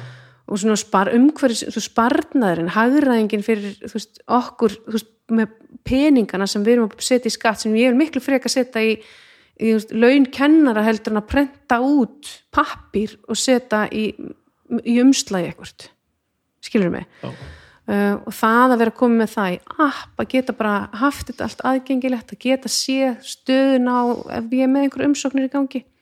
Við erum kannski og geta uh, betur stutt við þú veist komið með aldrað fóreldri eða með börnin að þú getur á auðveldan hátt átt þessi samskiptu það þetta að rekja það varst þú sem gerðir þetta. Þú veist bræðið mínu þurfti ekki að hafa áhyggjur að ef ég lokka mig inn sem mamma að þá, og kem, ég ger einhvern djöflun sem ég ætti ekki að hafa gert. Já, og þá er þetta að rekja að ég já, einmitt. Ég get ekki bara sagt að ég ger það ekki. Skilur það Já, ég skilji það, það eru alls konar svona hluti sem að, sem að er bara ótrúlega magna sem munu einfalda lífhóls sem er bara svolítið mandarinn okkar uh, á komandi árum. En þetta er svo sannarlega ekki sásökulöst Nei, og, og ég held að þú veist, það sem að kannski erfiðast er fólk hérna, er hrætt við það er hrætt við að missa vinnuna það er hrætt við stórar breytingar segi, þú veist, það er verið að taka þér tölvun og láta þið fá eitthvað nýtt tæki sem að þú veist ekki vanur kannski að vinna með uh, á meðan anna, svo miklu enn stærri hópu sem er bara tekur þessu fagnandi en, en að geta átt samtali og verið upplýsandi og gefið af þér svolítið það, það er bara því að öll viljum við gera bara betur heldur þú verður í þessu áfram? Að svona kannski eh, svolítið mikið áfram á þetta er svona, í, þessu, er þetta að meina bara hjá stafarinn Íslandi eða ég held ég hef verið að meina það en þú, þú má draga um, ég verð allavega í þessu eitthvað áfram já. Ég, ég veit ekkert hvað ég vil verða þegar ég er stór. Nei. ég held, að, ég held að þetta verður svona nokkuð ljóst núna eftir þetta samtal. Já, mér er allavega miklu meira ljóst að það var áður sko. já, en hérna ég er að hérna, ég vil vera það sem ég er að gera gagn. Mm og ég dreif mig svolítið í hlið um leið að ég, mér finnst ég ekki verið fann að gera gagn, vera gagn, gera gagn og ég þú bara finna þér eitthvað annað þegar það er komið, komið þangað? Örglega, Já. alveg örglega en er eitthvað svona þú veist sem að eh, sem að ekki að spyrja út úr stefnir eitthvað því ég held að það sé ekki rétt spurningin. Er eitthvað svona sem þú þarft að tekka við? Eitthvað svona sem þú þarft að gera? Langar þig að þú veist, ég veit það ekki. Þú langar ekki að þing, skil- skilur langar þig langar þig að vera með eigin rekstur skilur langar þig að gera eitthvað svoleiðis? Um, nei, ég er ekki með neitt box sem ég veist ég þurfa að teki. Um, ég, veist, ég er að vasast í alls konar svona uh, hobbyin mín í staðin fyrir að vera að spila golf hafa maður farið meira í veist, núna er ég bara á þeirri vegferði maður er mikið kringum unglingarna sína. Veist, maður er komin í stjórn handbóltans hjá Víking þó svo að ég kunni ekki handbólta að börni mín eru þar og þar er ég þeirra umhverfi og get gert gagn með mínum styrkleikum í að bæta umhverfið þeirra sami hvatinn þar, bara þú finn, finnur þú átt eitthvað í það að bæta það sem er að gerast þar Já, bara sa, veist, og sami hvatin eins og ég sópa fyrir framann húsið mitt, veist, við getum Já. öll gert, þú veist, ef við öll kontributum eitthvað aðeins allstaðar, þá verður allt svo miklu skemmtilegra og miklu betra og miklu auðveldra. Ég er ekki að segja að hérna um, við eigum að koma í st- staðinn fyrir, veist, þú átt einhvern nákomin sem þarf að fá einhverja þjónustu. Það ég, vil ekki ég vil aldrei að við komum í staðin fyrir þá svona ofinböru þjónustu eða veist, í staðin fyrir kennara eða í staðin fyrir eitthvað. En bara með því að þú ert í fóreldrafélaginu eða ert hérna að hjálpa til bara á handboltaleikjum að ganga frá eða ert hérna í einhverju ráðgjöf einhver staðar eða ert að sópa uh, whatever, þú veist bara þú veist, þessi litlu hluti þar sem að maður getur gefið aðeins af sér skiptir því raun engu máli. Hvað er þetta, svona klukkutími hér og þar eða whatever, en gerir allt svo miklu betra í, í stóru myndinni. Mm og ef, að, ef að við værum öll þarna þó, og, og, þú veist, væri bara, bara aðeins fleiri þarna þá væri allt það væru færri sem sætu eftir. Við værum fleiri sem myndum spottaða herri, þessum, þessi er alltaf einn. Eða þessum líður ekki vel. Eða þessi þarf stuðning. Eða þessi hérna þarf að styrkja sig þarna. Eða kem, komum við ekki þarna samt svolítið að því sem að þú kendir mér sko, ekki býða eftir einhver annar. Veist, við erum alltaf að býða eftir einhver samþykki bara, alls í lagi, ég geri þetta Ég á bara, já, og ég er bara þar og ég þarf ekkert, ég hef enga þörf fyrir að vera þarna í frontið að gera þetta. En, en eins og ég segi, ef, að ég er ekki að gera gagn í þessum hópi Mhm. veist, mér er alveg saman hvort það sé e- ekki þannig að sé ekki vera að hlusta á mig, mig eða mín ráð eða eitthvað, þá vil ég fyrir eitthvað drama til hliðar og fara að gera eitthvað annað þar sem ég er að gera gagn. En við, við þurfum öll þú veist, við skiptum bara öll máli og það sem okkur öllum finnst skiptir máli og við getum öll gefið svo mikið. Uh, en það, við erum ekki öll Greta Thunberg skilur við mm. eða þú veist, við þurfum ekki við, veist, markmið þarf ekki að vera alveg þar. En kannski, jú, en þetta er nákvæmlega það sem að, sem að kannski tikkar mig áfram sko að, að það að vera að gera þetta gagna, þú veist, að vera ekki alltaf að býða við, það er búið ákveð að það þarf að færa borðina.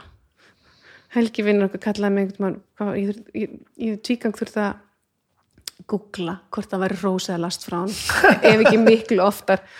Og hann sagði ég veri ham hamleipa til verka? Nei, það ekki verið. Jú, hamleipa til verka. Og það kom bara einmitt út frá því að veist, við vorum búin að ákvæða við erum tryggaguttu, það þurfti að færa og við ætlum að gera eitthvað og ég stóð bara upp og byrjaði tilbúin og var búin að taka úr sambandi og hérna það var bara búið að taka ákvörðun. Svona er þetta. Já, og þá bara gerum það sem við getum til að gera þetta eins gott eins og hægt er. Já, þetta lærði ég mikið til að þeirri sko. En þetta er ekkert nýtt, það er búið að finna orðatiltækið fyrir mörgum öldum síðan sko, að vera hamleipa til verka. Við erum alltaf að díla við það sama, alveg sama hvað ártali sko. já, já, alveg sama hvort við erum að reyna bara að lifa af einhverjum torpa einhver staðar eða hvort við erum að rafa eða Ísland sko. Stafa það. Nú, þetta er það já, mér finnst það betra. Mér finnst það betra að vera að stafa hérna, stafrænt heldur en hausin á mér tengi meira við ramakt þegar ég er í raf. Já, við erum ok. búin að rafa Rafrænt. okkur með tölvum og svona. Segir sem rafræn skil ekki. Stafræn skil ekki, rafræn þetta er sagt alveg þessu kryss þess, þess, Já, ég að þessu ég, þú veist, Kemur þínu djópi, nú þáttu alveg að koma þessu í eitt vasa. Já, ég er búin að stundum er bara hætti maður að rempast eins og til dæmis eitt sem að hérna uh, ég var reyna að benda dóttu minn á ekki það að hún hafi verið einhver pest með það en, en hérna hún, fólk fallbegir nafnið hennar alltaf vitlust og, og ég hafði íslensku kennarinn sko. Það bara, bara er ekki eðlistlegt að fallbega nafnið hennar rétt og við hefum ítrekka átt þetta samtal og ég hef samt bara veist, veldu bara þá sem þú vilt virkilega að viti hvernig að fallbega nafnið þitt. Því maður kemst ekkert upp með að kenna öllum það. Nei, það verða alltaf, ég ætlast þess að pappinar geti það, skilur við og bróðurinnar og þú veist, það, það er ringurinn minn. En ég er ekkert að pöngast í öðrum þegar það er fallbega vitlaust. Mm Mhm. -hmm. þú veist, það er búin að ég er aldrei að fara að kenna öllum hvort það er nota stafrænt eða rafrænt. Nei ég skil ekki, já, já. Þú Hvað heitur hún? hún heitir Ástrós. Já, sem uðið og ekki, ekki uðið eða svo mm -hmm. hún heitir ekki Rósa, hún heitir Rós. Já, einmitt. En er Hversu ætl- rósar þá að já, en hversu óþöldi ætlar að vera þegar þú ert alltaf alltaf leiðrétt alla. Ég meina mamma mín, íslensku kennarinn endaði með að slá á, á, á puttan á okkur sískinunum, sko. Bara hættið þið nú, sko. Þú veist, bara þú veist, þið, þið ha- hafið ekki svona rétt fyrir ykkur, þú veist standi einhver, einhver staðar á blaði þá hafið þið ekki umboðið til þess að messa yfir öllum allstaðar, sko. Nákvæmlega. Þú veist, og það, maður verður bara kannski að átta sig á þú veist, hlutverkinu þú veist, bara hvað er mögulegt og hvað ekki. Já, já, Ég við, hérna, já þannig að, já, nei, ég ætla ekki að taka það að mér að kenna öllum að hvort munin og stafrænt eða rafrænt. Og, og það er líka bara þú veist, hvað fólk er vant og hvað ekki. En við erum að vinna með stafræna þjónustu. Stafurinn að þjónst það er svona, það sem að við erum svona helst í, já. Er eitthvað sem þú gerir bara fyrir þig er eitthvað sem að þú hefur bara það sem að þú, þú, það sem að þú ert ekki einhvern veginn að gera eitthvað gott eitthvað, eitthvað að besta eitthvað fyrir einhvern annan? Eða þú veist og ég gera, læti mig hljóma þessi e, þú ert ekki búin að tala að ég, að ég muni í gegnum þetta þannig að þú veist að sé eitthvað svona sem þú gerir bara svo fer ég og gerir þetta bara fyrir mig þú veist ég, hérna, er, ég, ég er í vinnunum minni bara fyrir mig sko, en, en ég fyrir ræktina og sund og, svona hluti fyrir mig. Ég sest niður með vinum mínum og hérna, drekk vín og hérna, borða góða mat, þú veist, það er alveg fyrir mig. Um, ég veit ekki hvað ég, ég er í háskólanum það er bara fyrir mig. Um, það spilar alveg inn í að hérna, með við ætla að fá hérna, góða frangotastjóra stöðu einhverstaðar þá vil ég öruglega ég sé búið með masterinn sko, mm þó sem að sé búin að gera ýmislegt. En og hefði kannski geta valið mér ein, veist, eitthvað sem að væri lægi nær því sem ég er að gera og skauta með þig, gegnum master en, skil þig, en, skil þig. en, en fyrir mig er það að mér langa að fara aðeins út fyrir kassan sko. En þú ferð ekkert í Playstation skilur þú, ég er svolítið að meina það Ég, mér finnst trú- ég er svona sjómarspöff líka inn á milli og mér Já. gott að lesa. Ok, ok, ok. Og hérna, ég er lítið lesið þú veist bara í rauninni frá því átti krakkana ég, þú maður er að finna að hlusta meira. Uh, í dag er ég að lesa minna bara út í þegar maður er í skóla þá er ég bara að hlusta á svona alls konar, ég fann svona lesblindu app þannig að ég, þegar ég fyrir út með hundina þá að í göngutúra nýti ég tíman að hlusta á skólabökunar, skólabækunar fuck my life, ok og fyrirlistina og þarfamdum göttunum hlusta stundum á þig. Uh, ég býð rosa spennt eftir hérna að Walking Dead serían haldi áfram. Yes, og mér finnst gott að slaka heilan nú er ég bara, ég var aldrei búin að horfa Downton Abbey. Og þú veist, þetta er bara svona Já. maður er svona skitsa í því en hún er að gera þetta já. svona nærð að- já. ég átti á tímabili, ég átti svona gott hérna, hérna tímabil uh, þannig, alveg þannig að ég bara byrja, e, e, hvort er ég í Candy Crush til að slökka á heilanum mínum eða bara að þetta er þörfin til að fara í Candy Crush? Ég, var alveg fann að spurja mig sko. Rosalegu töluleikur sko. hann er geggjar nema að þá var það ef að mér fannst ég verið að fara á einhvern yfirsnúning með vant að slökka og þá var það eitthvað svoleiðs þetta er náttúrulega hreint út hvað er að, að markasetta sér þannig sko. Já, og, það, og það virkaði fyrir mig. Já, já mig sko ég Uh. notið þegar að túra alveg bara er ekkert betra sko. Já. Uh, en þú veist, samfélagsmiðla virka ekki eins fyrir mig þar mér finnst það meira skemmtilegt í svona í kannski samskiptum en, en hérna ekki það, ég er alveg sökkar fyrir að hlæja því að hérna svona tíu ára gamli statusar á Facebook þar sem að í dag er leiðilegt veður þetta var ekki eins þá og þetta er núna. Ég veit það, en það er svo, veist, það er svo erfitt að, rifja það upp og muna það.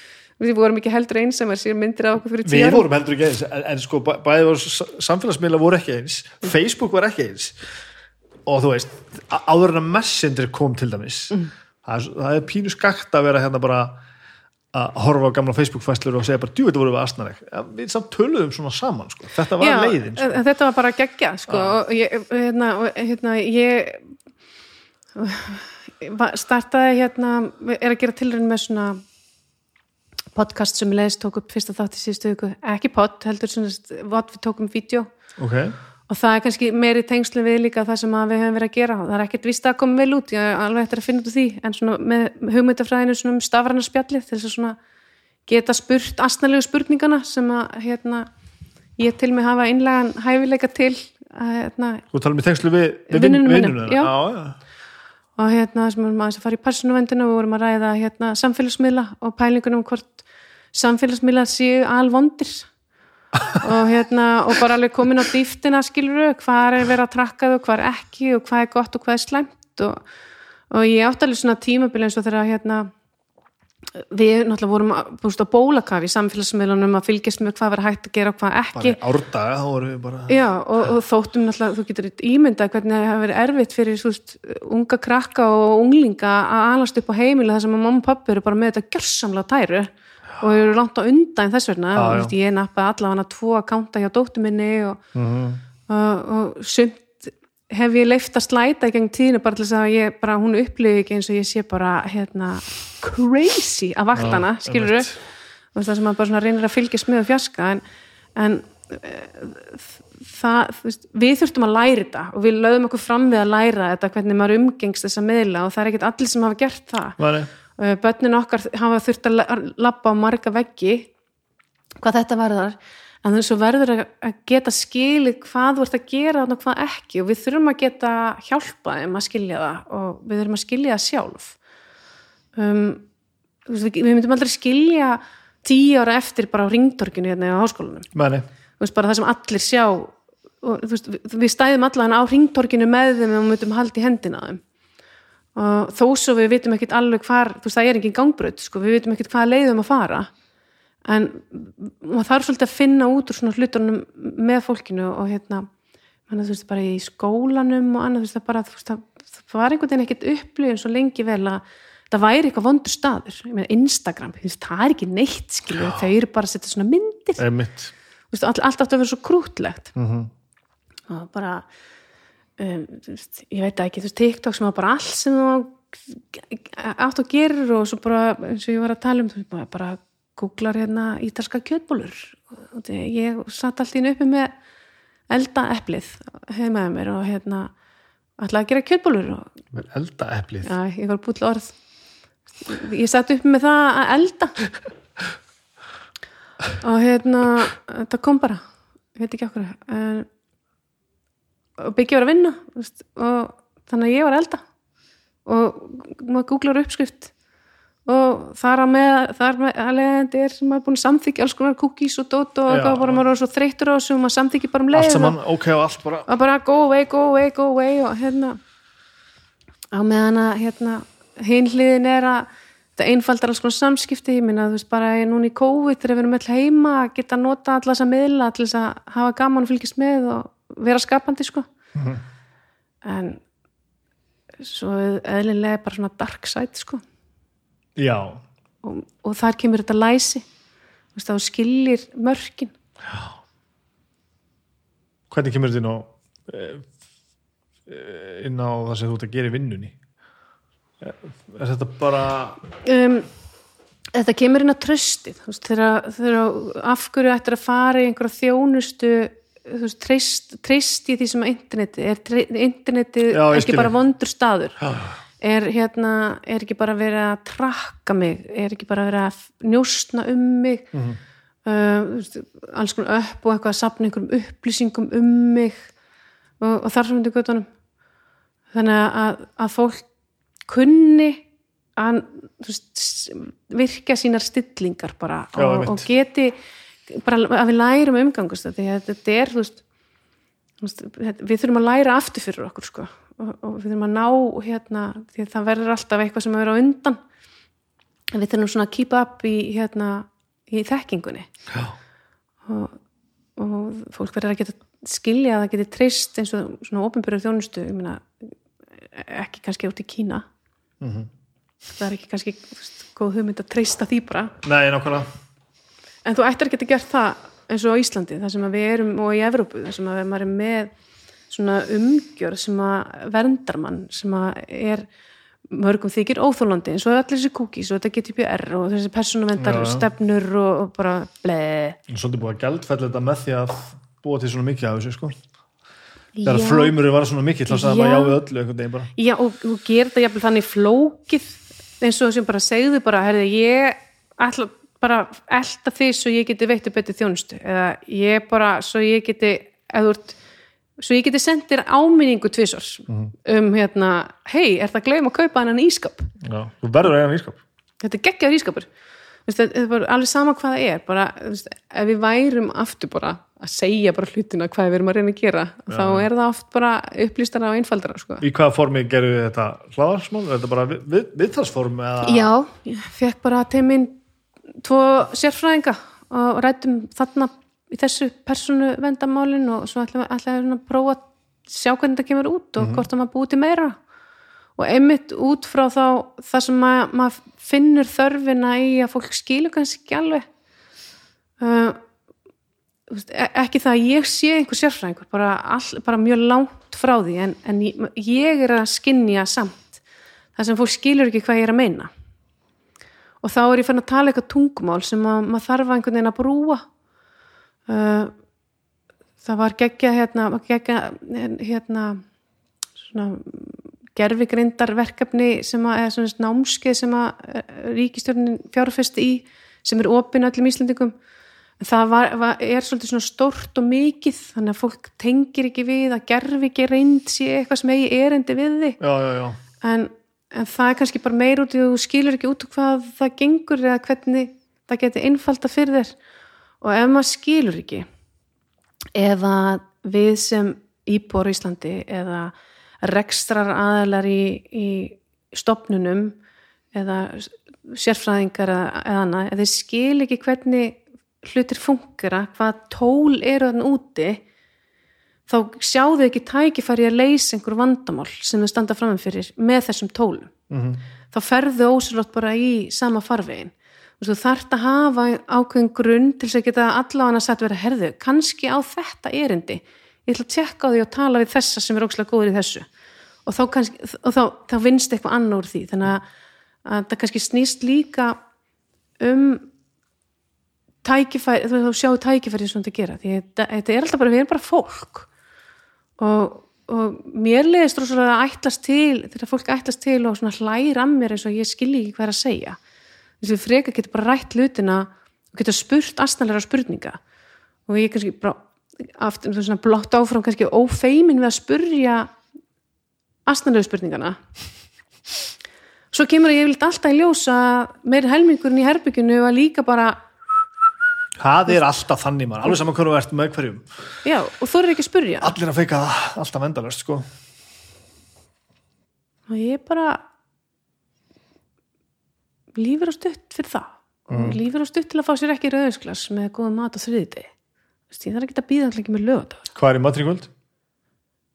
í kvöld? Er hvað dagur er? Þriðdagur þriðdagar, rauðvinn, þú varst búin að segja það. Nei, ég ætla ekki að rauðin í kvöld í kvöld hérna var planið að vera með svona uh, tikka með sala vefjur með spínat og káli. Tikka með sala kjúkling. Um, það var lögðin sérstök pöntun fyrir uh, bleikum fisk heimið mér í gerkvöldi já, þannig ég ætla að koma við í fiskbúðinu leiðin heim og aðtöku hvort það sé til eitthvað gott í fiskbúðinni og þá mun ég svissa yfir það. Og hvenær er þá tikka maður saman? Allir færi það bara ekki þá til morgun eða næstu viku. Ég er búin að kaupa í hann þannig að ég ég gera það bara morgun. Ég reyna að ræða líka matnum eftir ég sko hvort að hérna þú veist, í æfingum hjá krökkunum það er mm. handbólt og fótbólt æfing hjá stráknum og þá veit ég að hann er ekki til í að fá Já. ísu og kartublur þá þarf hann bara eitthvað aðeins meira þannig að það er svolítið þar geðvegt ég held sem búin Mér líði þannig í hálsinum Ég fór samt í hraðpróf fyrir, Fórstu? já, ég fór að, sko, ég fyrir alltaf að vera hraðpróf hérna uh, ég enda fann að gera það núna bara þegar ég er að fara að taka við til, þá fer ég hraðpróf því það er svo ógeðslega auðvelt sko já. Hérna, Líði samt ekkert eins og þú sétt að lækka í greind í hvers skipti sem að kroppa aðeins í kollina þér. Samt mjög fyndið, það er að vera alltaf auðveldra og auðveldra að því að þeir sem er að taka hraðprófin verður alltaf betri og betri í því, þetta verður alltaf minna og minna sagt, átak sko, tækninu verður alltaf betri og betri, Já, fyrst skipti ég fór hraðpróf og leið mér sem ég fyrir slegin í andliti sko. Var einhvern sem tók svona oversized eyrnapinna og tróðunum bara svona einhvern veginn bara svona í miðnesið á mér sko. Já, ég, þess, ég, má- svo er allir gangur ég, ég, ég er líka bara svo hlýðin. Mér finnst það bara, þess, ég ger bara það sem mér er sagt og það er einmitt eitthvað sem maður var að vinna með eins og í appinu og annað, þú veist það sé hægt að skanna þessa hluti og, þetta er þarf- allt þú, hérna, jó, ég, ég þarf að láta þið fá líka appi getið fengið appið? Já. Ég skal senda það. Hlekka það, við gefum það út núna næstunni en það er einmitt svona að vera að vinna í klára svona máp og persónuvendarmálin og, og svona tryggja það er léttmetti þarna. Með þetta léttmæti um, en það er eitthvað með skanni til þess að geta skannað uh, bara alls konar hluti og skýrtinni og vottur og svona. Þetta er alltaf að vera betra, heimurinn er að vera betri. Ég trúi í start og stöð sko. það er meiri tími til þess að njóta og minni tími í svona handavinnu. Já, meira stafrænt, meira rauðvin já, það er, nýja slagurðið ok það er reyndar að gera gagn en ef ég er með rauðísglas og meðan ég er að gera gagn þá er þetta bara allt mjög gott. Vinkunum mín, takk fyrir spjallið. Takk sem ég leiðis Takk fyrir að tala um mig. Takk sem ég leiðis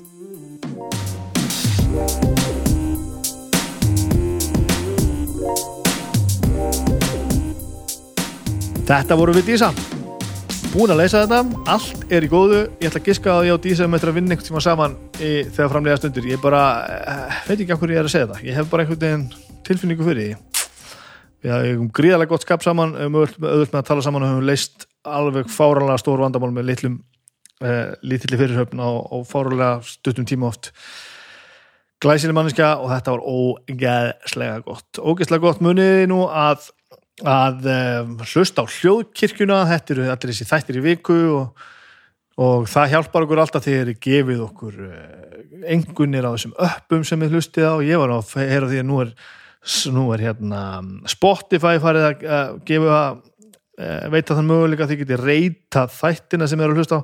Þið verðið náttúrulega að fara að vera að hlusta á Spotify og farin og inn á fórsíðun á snæputalaði fólk og gefa þessu fimm stjörnur og þetta fari nú allt ofar í fítið því að þá hlusta fleiri og þá er lífið auðvöldara hjá okkur, það er bara þannig. Það er nú bara þannig. Nú þarf ég að fara að undirbúa mig fyrir Dungeons and Dragons sessjónið óla í kvöld. Um, takk fyrir sjóvá, takk fyrir Fly over Iceland takk fyrir Simil Pay fyrir að vera með mér. Um, þið bara hafið það sem allra best og við heyrums bara í næstu viku, það er ekkert sem heitir. Þetta var góð dagur Takk fyrir að hlusta, bye